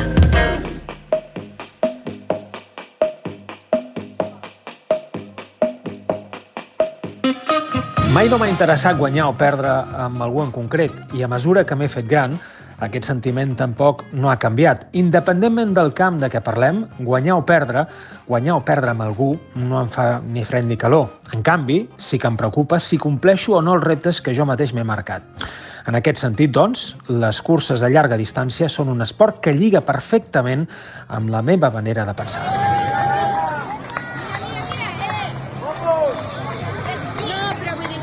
Marc Cornet, com estàs? Explica'ns eh, què són eh, aquest ambient eh, que, que estem escoltant de fons. Bona, Xavi. Doncs mira, eh, forma part d'un vídeo que vaig gravar el diumenge 12 de novembre a l'arribada de la Biòvia a Sant Sebastià. No? Ànims i també crits de suport en els darrers quilòmetres d'aquesta mítica cursa de 20 quilòmetres eh, de recorregut que enllaça, recordem, Beòvia a Irún amb la capital de Guipúscoa, Donòstia. Després de completar la cursa i mentre esperava també l'arribada de la meva dona, de la Maria, doncs vaig passar a l'altra banda, vaig passar de ser protagonista a ser un mer espectador, de rebre els crits de suport ser jo mateix també qui encoratjava els corredors i corredores a acabar de completar la cursa. I, de fet, em van venir al cap molts sentiments i també moltes preguntes. Doncs ja saps que sóc tot orelles i que m'encanta escoltar-te tu, m'encanta escoltar els teus sentiments i, i les teves preguntes. Mira, intentaré descriure una mica el, el, el que vaig veure. No? Per exemple, una noia jove que creuava la línia d'arribada enmig d'un mar de llàgrimes un senyor gran abraçat amb la que suposo que devia ser la seva dona fent-li un petó. Tot això just abans de finalitzar la cursa. També una colla d'amics que, agafats tots cinc, crec recordar que eren cinc, doncs tots cinc de la mà van creuar plegats la meta aixecant els braços en senyal de victòria. Una corredora, també amb el rostre banyat per les llàgrimes eh, d'alegria, que va córrer els darrers metres amb el que suposo, en aquest cas, que devien ser els seus fills, un nen i una nena. I tots ells, de forma indirecta, doncs em van fer pensar en la pregunta del milió. Sí, la de sempre, la que ja hem comentat alguna vegada i que segurament té infinitat de respostes, no? Per què correm? Una pregunta que crec que tots ens hem fet segur, eh? alguna vegada, i, i, o ens seguim fent, i que de ben segur té moltíssimes respostes, per no dir que potser té infinites i tot, eh? Mira, jo sempre he pensat que segurament hi ha tants motius o raons per eh, cadascú de nosaltres per respondre aquesta pregunta com corredors i corredores hi ha arreu del món. No? T'explicaré també ràpidament una altra anècdota relacionada amb aquesta cursa, amb la Biòvia Sant Sebastià, perquè dissabte estàvem passejant pel centre de la ciutat, pel centre de Donòstia, i vam entrar en una botiga. No? Eh, la noia que ens va atendre, molt amable, ens va demanar el número de dorsal també en saber que corríem l'endemà a la cursa. No? Eh, ens va dir el seu nom, Katisha, i ens va explicar que ella no l'ha correguda mai, però que anys, any rere any, d'alguna forma, baixa animar també a la darrera corba del recorregut, poc abans d'un quilòmetre per al final de, de la cursa, i també ens explicava l'orgull que ella sent en posar el seu gra de sorra, animant, per tal que milers d'atletes puguin acabar amb un somriure als llavis o amb aquestes llàgrimes. No? I mentre explicava això, doncs, es va emocionar, ella també, no? perquè en to confidencial ens va dir que fa un parell d'anys ella va passar un càncer de pit, la catixa, i que ara tot just ha començat a córrer per la muntanya. Corre ara mateix 5-6 quilòmetres, li costa sí, però té la il·lusió de poder participar també algun dia a la Biòvia. No? Tot i ser de tota la vida de Donòstia, mai doncs, havia pensat córrer-la. Mai ho va pensar fins que va patir aquesta malaltia, aquest càncer de pit fa un parell d'anys. No? I d'aquesta manera assumir algun dia poder canviar el costat de la tanca, d'animar a ser animada i sobretot agrair-li també a la seva germana el que va fer per ella just fa dos anys, quan eh, li van dir que el càncer estava curat i és que la germana de la Catixa va completar els 20 quilòmetres de la cursa per demostrar-li que havia de ser forta i que ella ho havia sigut davant del càncer, no? Que el càncer ni la va guanyar aleshores ni la podrà guanyar en el futur. Ostres, Marc, quina història més que corprenedora, eh? És una història realment maca d'escoltar de, de, de, i, i una sort, no?, haver conegut a la Catixa. Mm. Mira, la seva història, eh? la, la de la Catixa, eh, evidentment, primer ens va emocionar perquè no ens coneixíem de res, vam comprar un parell de coses en aquesta botiga, de, com et dic, del centre de, de Sant Sebastià, que ens va agradar molt, però en el fons també pensant-hi, no? perquè després de, de la seva història segurament vaig reflexionar fins i tot encara més amb la seva història i, i el que podien ser eh, les seves eh, deduccions o multiplicacions de, de conseqüències, per dir-ho d'alguna manera. No? I em va fer retornar a la pregunta, a la qüestió que sempre ens hem fet i que potser no hauríem d'oblidar mai. No? Per què correm? Eh, potser comencem a córrer per un motiu concret, salut, per un motiu competitiu, per sentir-nos millor amb nosaltres mateixos, el que sigui, no? Però crec també que hauríem de tenir present que aquesta motivació, aquests motius, no són inalterables, és a dir, que poden variar en el temps i que podem sumar també noves raons per poder compartir i fins i tot completar el sentit d'aquesta nostra afició. No? Diumenge, en passar per la darrera corba, a poc més d'un quilòmetre per l'arribada, vaig poder saludar la Catixa, i els seus ànims, la veritat, eh, em van fer volar fins a la meta. El seu somriure, la seva il·lusió, em va fer adonar també de, de moltes coses i em va fer entendre que encara que no coneguem les històries personals que s'amaguen rere de cada corredor, rere, de, com et deia, aquesta noia jove, rere d'aquest senyor, rere d'aquesta colla d'amics, encara que no coneguem aquestes històries, doncs ens poden ajudar també a seguir sumant quilòmetres, a sentir-nos motivats. I és que no en tinc cap dubte. L'any que ve tornaré a córrer la Beòvia, i res em faria més feliç que no veure la catixa. I et dic no veure la catixa perquè això voldria dir que ella ha fet el salt, que ha passat a l'altre costat de la tanca i que ara és ella qui, després de molts anys de deixar-se les mans i també la veu animant els corredors i corredores, en sigui part encara més activa, no? corrent, en definitiva, la cursa del seu cor, completant un repte de vida en la seva pròpia ciutat. De fet, eh, Marc, eh, quan va néixer el Fem Muntanya eh, ho va fer amb la pretensió de poder donar veu als corredors populars, que en definitiva som tots els que formem part d'aquest projecte i si això pot servir per animar a incrementar aquesta comunitat ens haurem donat més que satisfets. I també en aquest sentit eh, em veig totalment representat en aquesta història, la de la Catixa, que ens has eh, volgut acostar avui aquí al Muntanya de Llibres. És que jo penso també, Xavi, eh, que, que la vida, la, la nostra vida, en definitiva, hauria de ser justament això, no? és a dir, poder passar del paper de protagonista a un rol secundari amb total naturalitat i també ser conscients de, de la importància que una simple paraula o una simple alenada d'aire i d'ajuda pot ser eh, o ens pot ajudar els que tenim al nostre costat. No? Ja sigui en una cursa o també en qualsevol problema que tinguem a, a la nostra vida, en el nostre dia a dia. No? Tot plegat, jo crec que és posar de manifest i es pot posar també de manifest en un sentit extrem, per exemple, quan correm, no? perquè ho sabem tots nosaltres, eh, quan acabem una cursa, eh, jo crec que el que hauríem de fer no és marxar ràpid a casa i, i, i, i tornar a estar amb la nostra gent, sinó crec que estaria bé també comentar la jugada amb els nostres companys, amb les nostres companyes, però sobretot eh, eh, ser més generosos a l'hora de compartir aquests suports, és a dir, quedar-nos a la línia d'arribada, ajudar els que encara no han eh, conclòs la, la prova per tenir també, jo crec, d'alguna forma una sensació encara més de plenitud, d'haver acabat una cursa, sí, però també d'ajudar els altres a que, a que l'acabin. No? Jo crec que és també un gest de generositat que en algunes curses sí que es dona, però no sé, recordo, per exemple, fa uns anys a l'Ultra Pirineu, crec que el, el Miguel Eres l'endemà mateix anant a rebre els darrers corredors sí. que potser feia més de 24 hores que corrien. Això em sembla d'una generositat tal que demostra que persones així són les que realment van a la, pena, a la pena a la vida, no? trobar-te amb aquest tipus de persones. Estic totalment d'acord i ara em ve al cap eh, una anècdota també personal. Eh, algunes vegades sí que em quedo les curses, d'altres tinc més pressa i a vegades doncs, he de marxar per, per compromisos familiars, eh, la majoria de vegades, però sí que alguna vegada doncs, em quedo una estoneta, eh, un cop jo acabo la, la, una cursa de muntanya i em quedo a animar. I recordo l'any passat, el 2022, vaig anar al Trail del Bisaure eh, i tenia un, un amic meu, l'Àlex eh, Martínez, que ell feia la curta, si no recordo malament, o potser feia la, la mitja, la mateixa que jo i quan vaig, jo vaig arribar el que vaig fer va ser eh, fer un, desfer un parell de quilòmetres enrere fins que el trobés ahir. Pel mig, evidentment, em vaig trobar eh, desenes i desenes de corredors que els hi quedava aquesta distància que, que anaven fent. A tots ells, doncs, animant-los eh, eh, va ser una de les experiències eh, molt xules a una persona, mm. doncs, el, el, te, li van agafar rampes a les cames, em sembla que era una noia, a mi em va sobrar una càpsula de salts, doncs li vaig poder donar i, i, i l'agraïment d'aquesta persona doncs, eh, eh, a tu t'anima a, a fer aquestes coses, no? I després tornar a fer aquests darrers dos quilòmetres amb, amb, amb el meu amic, amb l'Àlex, eh, doncs va ser una de les coses més xules de, de, de poder fer, més que la meva pròpia cursa, que sí. Eh, et quedes amb sí. aquests records i no, ara em preguntes eh, quin temps vas fer, vaig fer jo i no ho sé, no ho sé, la veritat, no ho sé, em quedo amb aquests records. Mira, aquesta reflexió, la que fas tu, la que acabo de, de fer jo, també entronca perfectament amb la primera frase de la secció d'avui, no?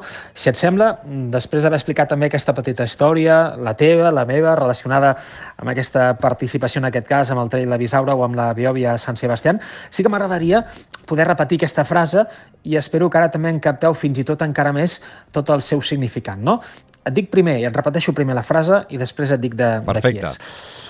Mai no m'ha interessat guanyar o perdre amb algú en concret i a mesura que m'he fet gran, aquest sentiment tampoc no ha canviat. Independentment del camp de què parlem, guanyar o perdre amb algú no em fa ni fred ni calor. En canvi, sí que em preocupa si compleixo o no els reptes que jo mateix m'he marcat. En aquest sentit, doncs, les curses a llarga distància són un esport que lliga perfectament amb la meva manera de pensar. I la frase, Marc, és de... Doncs mira, no podia ser de cap altre que del brillant escriptor japonès Haruki Murakami i en el seu cèlebre llibre de què parlo quan parlo de córrer, no? No competim contra ningú, només contra nosaltres mateixos. Per tant, els altres no són rivals, són companys de viatge que sí ens poden ajudar, ja sigui durant el recorregut o al final d'aquesta cursa. No? I avui, eh, després de la història de la Catixa, després d'aquests exemples que tu també explicava, Xavi, després d'aquesta Beòvia Sant Sebastián espectacular, m'agradaria recomanar-vos doncs, gairebé com un mantra que sí o sí hauríem de llegir tots plegats. És aquell llibre, eh? del què parlo quan parlo de córrer, editat per diferents editorials. Per exemple, podeu trobar l'edició d'Empúries Narrativa o també per edicions 62. No? Um, de com, en definitiva, cadascú pot trobar el seu moment corrent, de com Murakami pensa els seus escrits, les seves històries, els seus personatges, les seves trames, quan corre doncs, els seus mínim 10 quilòmetres diaris. I en aquest sentit, Murakami és clarament un corredor de, de fons, d'autèntica resistència. Com ell mateix reconeix en el llibre, el que més li interessa és augmentar la distància que corre cada dia, no pas la velocitat. Per tant, només eh, es concentra a córrer la distància que es proposa. És així, no?, més o menys, Marc? Tal qual, Xavi. De fet, a vegades accelera, perquè diu que té ganes d'anar més de pressa, de manera que l'estona que corre s'escurça i quan acaba encara té més ganes de continuar corrent. M'agrada aquesta reflexió, sí. eh? És, en definitiva, la mateixa tàctica que fa servir també quan escriu una novel·la llarga, ho explica ell mateix. Eh? Diu que sempre mira d'aturar-se quan nota que encara pot continuar escrivint. Quan encara podria córrer més quilòmetres, doncs, bé, ei, m'aturo. D'així, d'aquesta manera, l'endemà li és més fàcil reprendre feina, reprendre també l'entrenament i fer més quilòmetres. Uh, per als qui no hagueu llegit el llibre, us adonareu també de la vinculació directa que Murakami fa entre l'ofici d'escriure i la seva afició pel córrer. No? En aquest sentit, per exemple, el propi escriptor arriba a mencionar Ernest Hemingway, de, en aquest sentit, l'escriptor nord-americà que deia que avançar és mantenir el ritme. I el propi Murakami també explica en aquest sentit la seva particular visió de com ha variat aquesta perspectiva del corredor de fons que, que ell mateix té, no? o que ell mateix és. Diu així, obro cometes, el fet de córrer cada dia i prendre part en tantes curses m'ha permès anar pujant el llistó a poc a poc i cada cop també que l'he superat he notat com jo mateix pujava de nivell. Per això m'he esforçat cada dia per anar pujant de nivell. No cal dir que no sou cap gran corredor, l'únic rival que hi ha en una cursa de llarga distància ets tu. Ets tu, en aquest cas, tal com eres abans de la cursa, i tanco cometes. És exactament la, idea, la, la mateixa idea, un altre cop, la que ressaltàvem fa uns minuts. Eh? Arribats eh, en aquest punt, Marc, també vols destacar l'analogia que ell mateix fa sobre les crítiques literàries i la seva afició. Mira, sempre que rep una crítica injusta, si més no, des del seu punt de vista, o justa, vés a saber, doncs diu que sempre que algú que ell esperava que l'entendria i no ho fa, Murakami surt a córrer més estona que de costum, no? I diu, o admet en aquest cas, que córrer més del compte li permet també eliminar físicament allò que li molesta. I un dels resultats de córrer més estona, que normalment és, en aquest cas, doncs córrer més quilòmetres, és que el fa més fort. Crítica, corro més quilòmetres, em faig més fort. Absorbeix en silenci, per tant, tot el que havia d'absorbir i després ho treu en una forma el més canviada possible com a part de la trama d'una novel·la. No? Per tant, les crítiques, mm, queda clar, reforcen la seva activitat esportiva, una activitat que al mateix temps li permet també incrementar la reflexió a l'hora de valorar eh, allò que ha escrit. No? Em sembla, en definitiva, una actitud vital brillant, eh? una gran forma de girar la truita i d'afrontar les crítiques, els mals moments, que moltes vegades ens fan petits i deixem que ens facin un mal excessiu. No? La crítica, en el seu cas, en el cas de Murakami, doncs, mm, l'ajuda a créixer com a escriptor, sí, però també l'ajuda a créixer i molt com a corredor. Per cert, Marc, eh, de què parlo quan parlo de córrer? De Murakami també defensa amb fervor la idea del nostre amic eh, Miquel Pucurull. Eh? Córrer ens ajuda a allunyar la parca, o si més no, a pensar que corrent sempre li anirem endavant. A, a vegades reconeix el cèlebre escriptor japonès que hi ha gent que riu dels que correm pensant-se que, que ho fem perquè volem viure més anys, no? I ell diu, doncs sí, jo no crec que la majoria dels que correm ho fem per això, o potser sí, eh? És un dels seus motius per sortir a córrer, en definitiva, però també n'hi ha més, i aprofundeix en les seves paraules afirmant que més aviat diria que si correm és perquè volem viure la vida al màxim, encara que siguin pocs anys.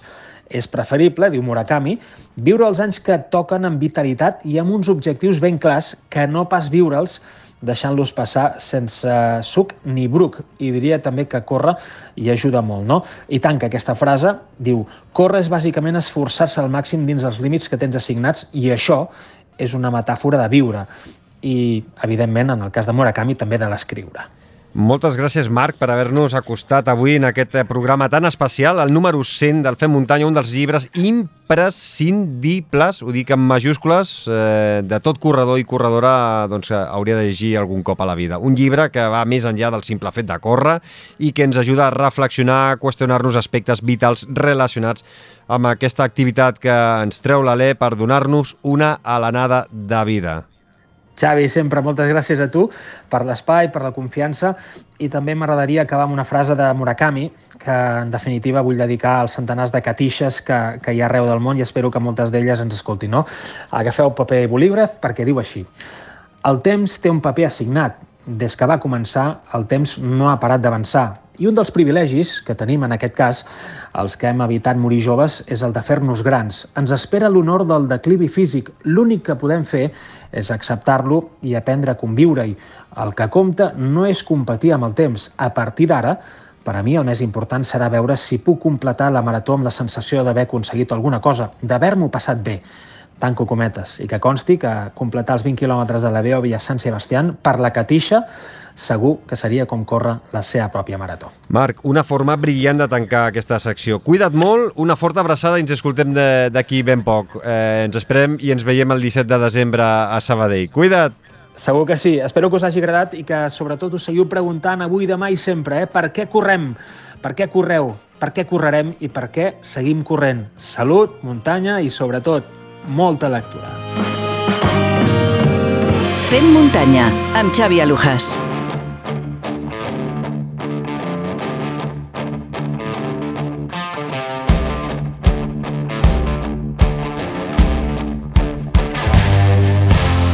Per acabar aquest Fem Muntanya 100 és moment de passar per la consulta del nostre coach esportiu de capçalera. Piquem a la porta a veure qui trobem, si el Salvador Vilalta o el Guillem Marchal. A veure... Què tenim Molt aquí? bones, Xavi. Home! Família muntanyera, avui sóc jo, eh? Ah. Avui... Avui és el Guillem. Avui és el Guillem, sí, que ja us trobava a faltar. Però escolta'm, amb la, amb, lo, amb la competència que m'està fotent el Salvador Vilalta, jo em sembla que...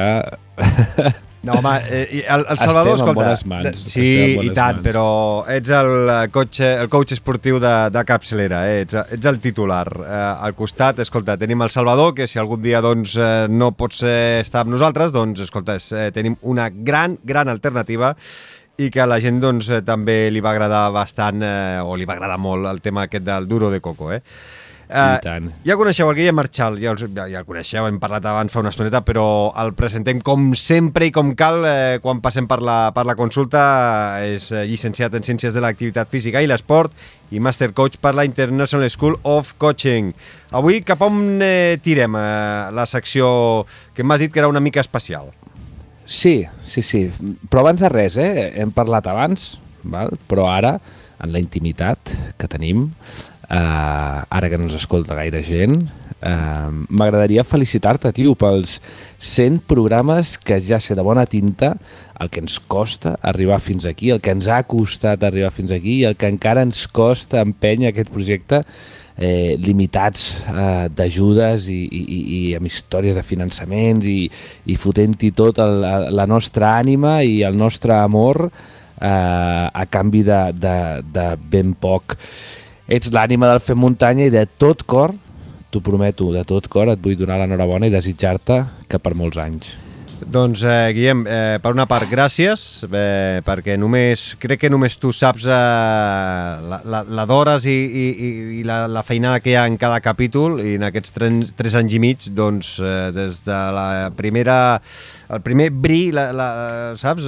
La primera llavor que vam fer el juny-juliol del 2020, eh, que és quan vam començar a pensar com eh, fer el podcast, eh, em vas donar un cop de mà amb la idea i des del primer dia doncs, has estat al, al meu costat. Eh, per tant, saps de, de sobres eh, el, que, el que ha costat eh, arribar fins aquí. No m'esperava pas doncs, eh, eh, començar aquesta quarta temporada. En alguns moments doncs, eh, també hem de ser sincers.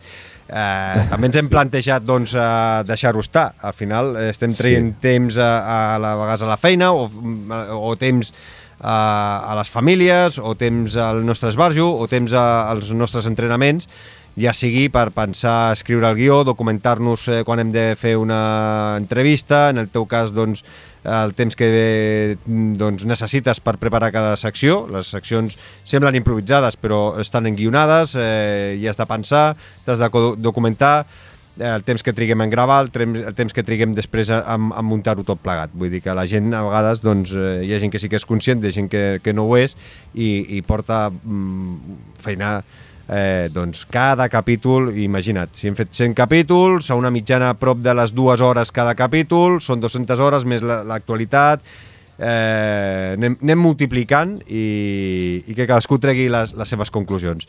Uh, gràcies a tu, gràcies a tots els col·laboradors que, que han passat també pel Fem Muntanya, que sense ells eh, hagués sigut eh, impossible arribar, arribar fins aquí. Però escolta, no parlem eh, tant de, de tu i de mi, parlem de, de, la, de, de, de la secció que, que has preparat, Va, sí, que, sí, que sí, m'has sí. dit que eh, volies despullar un convidat de luxe i m'he quedat una miqueta, se m'han obert els ulls i dic, ara no sé cap a on vols tirar.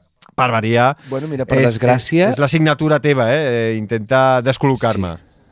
Exacte, perquè mira, saps com aquelles parelles quan ja porten temps que no ens sorprenem? Doncs jo encara intento sorprendre't amb cada, amb cada vegada que ens hem de tornar a veure, saps?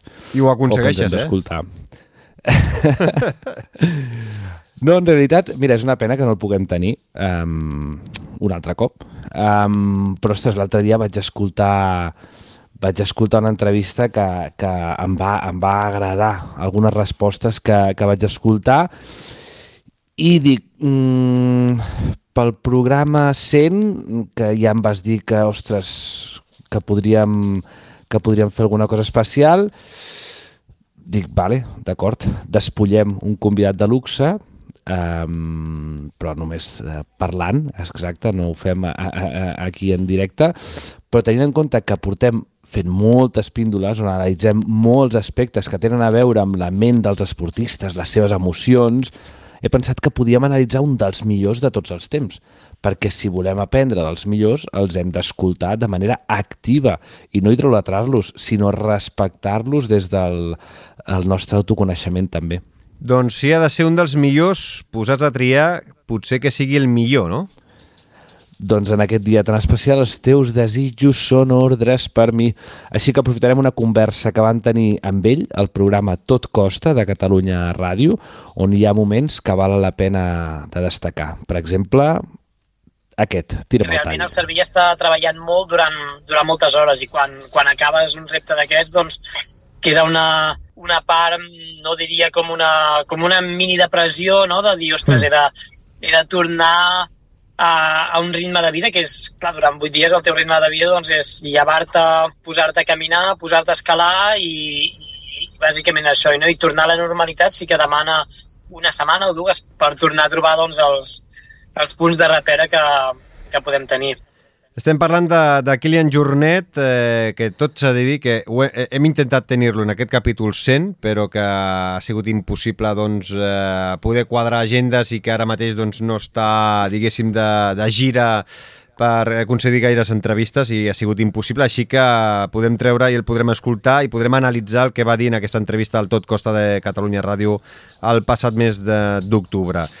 Uh, amb el que acabem d'escoltar... Si no tenim el Kilian, no. ens l'inventem, Sí, oi? no, no, però serà molt interessant el que, el que faràs tu ara, perquè en aquest tall que, que has triat per començar, eh, no sé què, què, què, què és el que tu li pots extreure, no? que diu no? de, de, que després d'un repte s'entra en una mini depressió que pot durar fins a dues setmanes.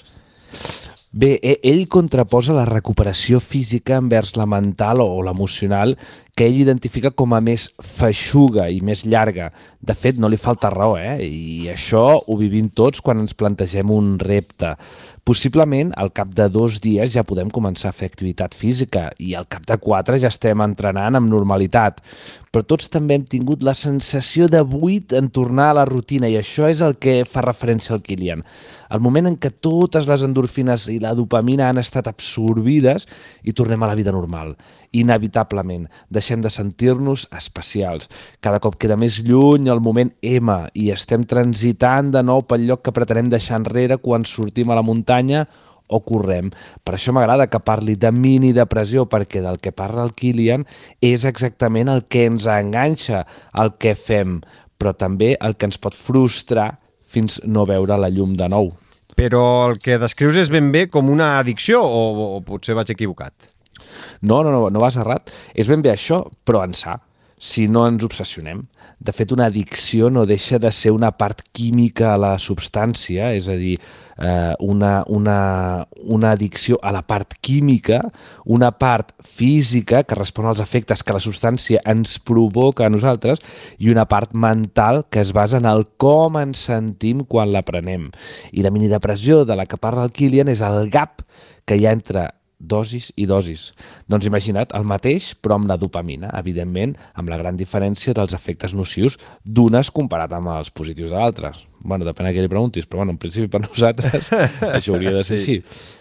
Perquè les femuntanyeres i femunteros es facin una idea i es sentin identificats, eh, podríem parlar de l'efecte ventafocs, és a dir, motivació pels preparatius, subidon mentre hi ha el ball i mini depressió quan veus la carbassa i els ratolinets que t'indiquen que tornes a la rutina. És a dir, quan te n'adones que ja no ets finisher per tornar-te a convertir en empleat, en autònom, en pare, mare, en president de l'associació de famílies de l'escola. I això com ho enfrontem, eh, Guillem? Doncs com suposo que fa el Kilian, que és centrant-nos de nou en els rituals, és a dir, en els preparatius, nous reptes que són noves il·lusions. Mm -hmm. En un altre moment eh, d'aquesta xerrada eh, parla de l'eufòria des d'un punt de vista negatiu i de la por eh, com eh, eh, quelcom eh, positiu. quan hi ha eufòria, doncs jo crec que, que el que has de fer és sentir- sentir-te bé a, a gust amb tu mateix, però no pensar-te que... Perquè moltes vegades, quan, quan hi ha aquests moments d'eufòria, de, de, de que has aconseguit un gran repte, doncs pots sentir-te una mica superhome, no? I dir, Mm. mm. ah, no em pot passar res. I aquí és on, on les coses poden ser perilloses, no? Has assolit un cim, encara has de baixar-lo, encara ets, ets igual d'humà que si no l'haguessis assumit, no? Si has guanyat una competició molt important, doncs ets igual d'humà que si no ho haguessis fet, no? I es, jo crec que l'eufòria pot ser perillosa perquè moltes vegades fa veure que, que ets millor del que realment ets. No sé, Guillem, si creus que hi està posant una mica de falsa modèstia o que realment la gent, i, i més els èlits, eh, enfronten així la seva carrera. Mira, els èlits no ho sé, però d'ell jo m'hi jugaria un pèsol a que sí que ho fa. Fixa't que parla del que fa com una diversió, activitat física i salut, i que si no fos això no ho faria. des d'un punt de vista mental i emocional, dir una cosa que costa de veure però que és una realitat. Pensem que l'eufòria és la benzina per la motivació en realitat és la flama de la inconsciència que les, eh, i els oients del Fem Muntanya no ho mirin des del punt de vista de què els hi va eh, la vida i potser ressonarà més el que diu. Què vols dir? que en comptes de pensar en els reptes que fa el Kilian, que ho baixi cadascú al seu nivell i entendran el que, el que vull dir, perquè quan treballem amb esportistes, eh, o treballo jo amb esportistes, és molt més complicat treballar eh, l'eufòria quan és molt més nociva que la por. Una... Mira, jo et faig una pregunta a tu. Quants corredors o corredores top dels últims 5 anys encara fan podi avui? Uh, em sembla que no hi ha gaires, eh? No. No, no, és que aquesta és la realitat. És que uh, veus extraterrestres com el uh, Eras, com sí, um, l'Oiana, eh, Tòfol de tant en tant eh, i com el Kilian quan li ve de gust, però, però, o la Núria que de cop i volta es destapa amb un, saps, amb un carrerón. Però, però és que no n'hi ha. I ara, una pregunta també que els hi faig i perquè se la responguin els, els oients i les oients quantes lesions han vingut propiciades després d'un gran resultat o d'un gran repte assolit. En baixar-ho cadascú al seu nivell em refereixo a allò que ens afecta de manera negativa per creure que estem per sobre del bé i del mal perquè en un moment puntual ens hem sentit exitosos. En algú com el Kilian pot estar vinculat a la supervivència, tenint en compte els reptes que fa, però per la resta pot ser perfectament el poder continuar vivint una vida esportiva digna. I creieu-me que els dos tipus de vida es veuen troncats per la inconsciència de l'eufòria i queden intactes pel respecte de la por. Mm -hmm. Doncs el client hi ha un altre moment en què parla d'un concepte que ja ens havies parlat tu en, en altres eh, píndoles eh, i és el següent. Normalment, quan projectem uh, visualitzem doncs, el que anem a fer, el projecte que anem a fer, doncs sempre visualitzes positivament, no? Doncs, ostres, el que sentiré quan, no sé, quan guanyi la cursa, quan assoleixi el cim, el que sentiré quan estigui pujant, i realment jo crec que l'important és visualitzar tots els problemes que poden haver-hi, doncs si ve una allà o si hi ha un, no sé, una caiguda de pedres o, o si tens algun problema més, més mèdic o físic, i, i posar-te en aquesta situació per veure si ets capaç d'en de, sortir-te, no? I així aquestes situacions acaben arribant si, si fas activitats a la muntanya doncs, eh, de, de forma habitual, doncs aquestes situacions eh, acaben arribant i has de, has de tenir aquestes eines per, per poder-te'n sortir i a veure, és a dir, el risc està allà per tots i, i, i tots ens hi podem quedar, no? Però, però sí que has de tenir la seguretat o de saber que almenys no, no va ser que, cap, a, cap al perill. Primer de tot, eh, t'he de dir, Guillem, que m'ha agradat veure que tots dos penseu de la mateixa manera, eh? però després ja m'ha sobtat que ell parla de la visualització, però de les coses negatives, quan molts especialistes el que et fan és veure la part positiva de, de tot plegat. Perquè s'ha de recalcar que no es tracta de pensar en negatiu, sinó de tenir en compte que hi ha aspectes negatius que tenen influència sobre nosaltres. Eh, és cert que hi ha molts especialistes que et diuen que si penses en allò dolent que et pot passar ho acabes atraient, eh, ara me hago gurú de la ley de l'atracció i no sé què... No, no, no. En el món de l'esport això no funciona. Del que parla és de la visualització creativa. I jo amb els meus esportistes ho treballo exactament com ell diu perquè seria d'imbècils rematats pensar que no hi haurà cap contratemps en una cursa, en una competició, en un partit, etc que us quedi claríssim que l'èxit no l'obté el que millor ho fa, sinó el que és capaç de minimitzar millor els seus errors. Per tant, segons el que dieu, és bo fixar-se també en lo dolent. I necessari. Per tant, jo no crec que ni ell ni jo ens mirem la part negativa de les coses, sinó que el que fem, i li recomano als, ab als abandonadors professionals que s'ho mirin així, és reconèixer que tindrem errades, identificar el màxim de contratemps que puguem arribar a tenir i crear les condicions perquè aquests contratemps tinguin la menor afectació sobre el nostre pla predissenyat. La resiliència, aquesta paraula que tal li agrada utilitzar a la gent i que el 50% de la gent no té ni puta idea del que és i l'altre 50% l'utilitza per amagar les seves vergonyes, no és màgia, sinó que té molt, però molt de treball al darrere.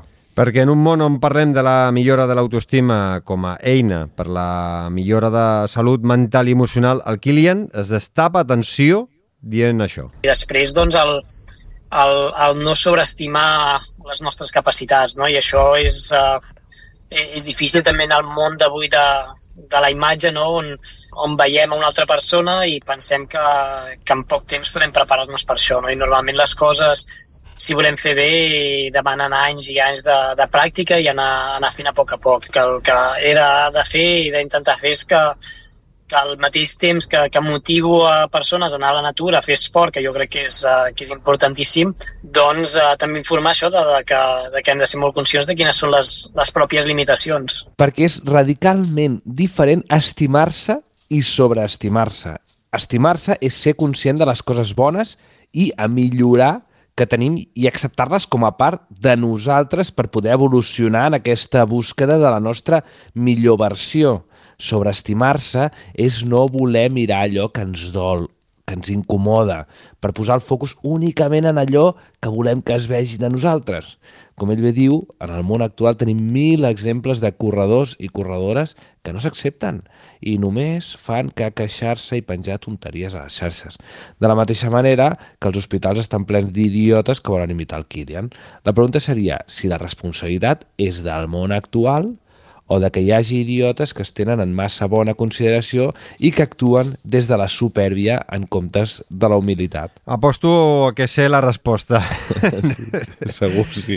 Escolta, Guillem, i ja per anar acabant, eh, per avui i per ser el programa 100, estem regalant una miqueta, portem eh, més de 17 minuts, eh, m'ha sobtat escoltar les diferències de tractament de l'esport que ha trobat el Kilian entre Noruega i Catalunya. Atenció a la comparativa que fa el, el fet que l'esport és molt més democràtic també, amb el sentit de que no és tan... Bueno, hi ha una part molt important de competició, de fet a Noruega amb, amb molts esports doncs, està destacant molt, però tenen una, una aproximació a l'esport molt lúdica.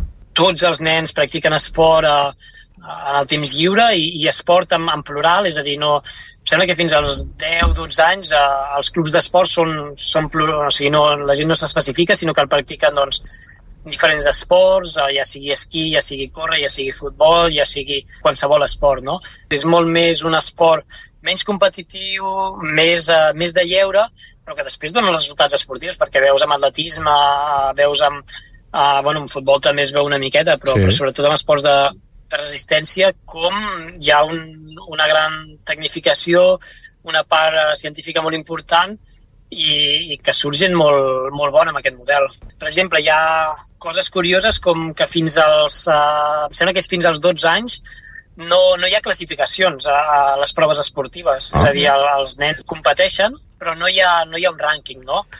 A veure, Guillem, eh, de l'educació, de l'esport en nens, n'hem parlat en diverses píndoles amb tu. Eh, sé que és un tema que t'indigna, però m'agradaria saber la teva opinió del que diu eh, el Kilian. doncs no sé què vols que et digui, perquè l'únic que sento és admiració quan un país considera l'esport i l'activitat física com una qüestió d'estat.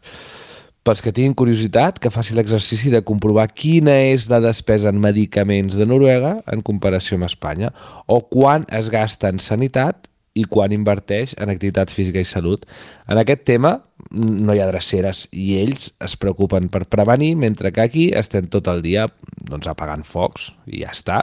I després, eh, tot el que parla de la competició d'especialització precoç, doncs eh, mentre allà pensen en salut i diversió, aquí només estem pensant en, en, en, en, ja pa, en pares i, i mares que volen que els seus fills i filles els treguin de pobres buscant el nou Mexi o, o la nova Alexia o el que sigui. Si a més ho ajuntem amb les poques hores d'educació física que ja hi ha a les escoles, amb federacions arcaiques, covardes i corruptes com les que tenim en aquest país, amb consells esportius polititzats, sense recursos, ineficients i incompetents, com els que tenim a cada, a cada comarca, i amb la mala exemplificació que suposen el 70% dels pares i mares, doncs ja ho tens. La tempesta perfecta per no entendre el que ha dit eh, el Kilian infinitat de vegades i que jo no em cansaré de subscriure. Si no et diverteix, no té sentit. Doncs escolta, m'ha encantat, eh, t'ho he dit, la píndola ultra que ens has eh, proposat sí. avui, eh? i crec que aporta molt eh, els que tenim una responsabilitat en la difusió de continguts o que siguin referents, com en el cas de, del Kilian, no ens cansem de repetir que l'esport i l'activitat física han de ser sempre, sempre divertida i sostenible. Uh, Guillem, com sempre, un plaer doncs, eh, compartir aquests minuts de, de podcast eh, amb tu, eh, fer-ho en aquest programa sent 3 anys i mig gairebé després, doncs eh, continua sent igual de divertit i continua aprenent eh, eh, capítol rere capítol. Espero que doncs, ho puguem continuar fent durant molts anys més. Eh, el primer que sortirà guanyant seré jo. Cuida't, una abraçada, fins aquí 15 dies. Igualment, i per molts anys.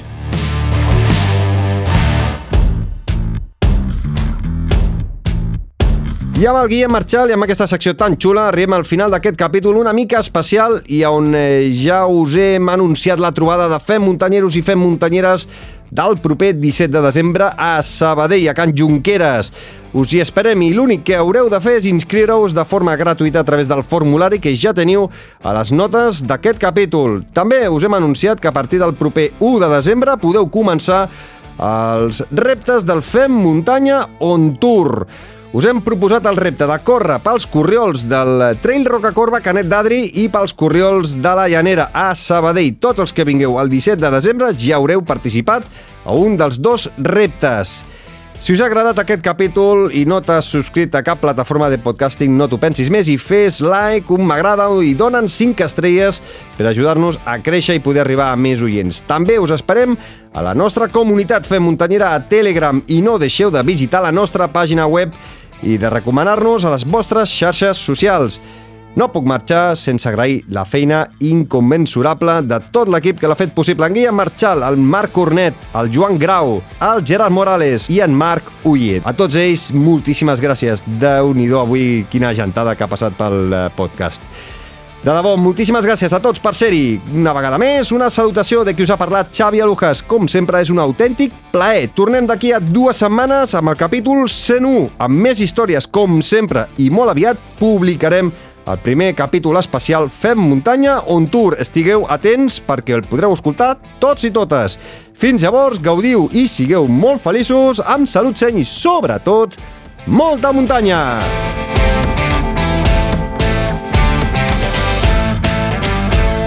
Subscriu-te al podcast de Fem Muntanya.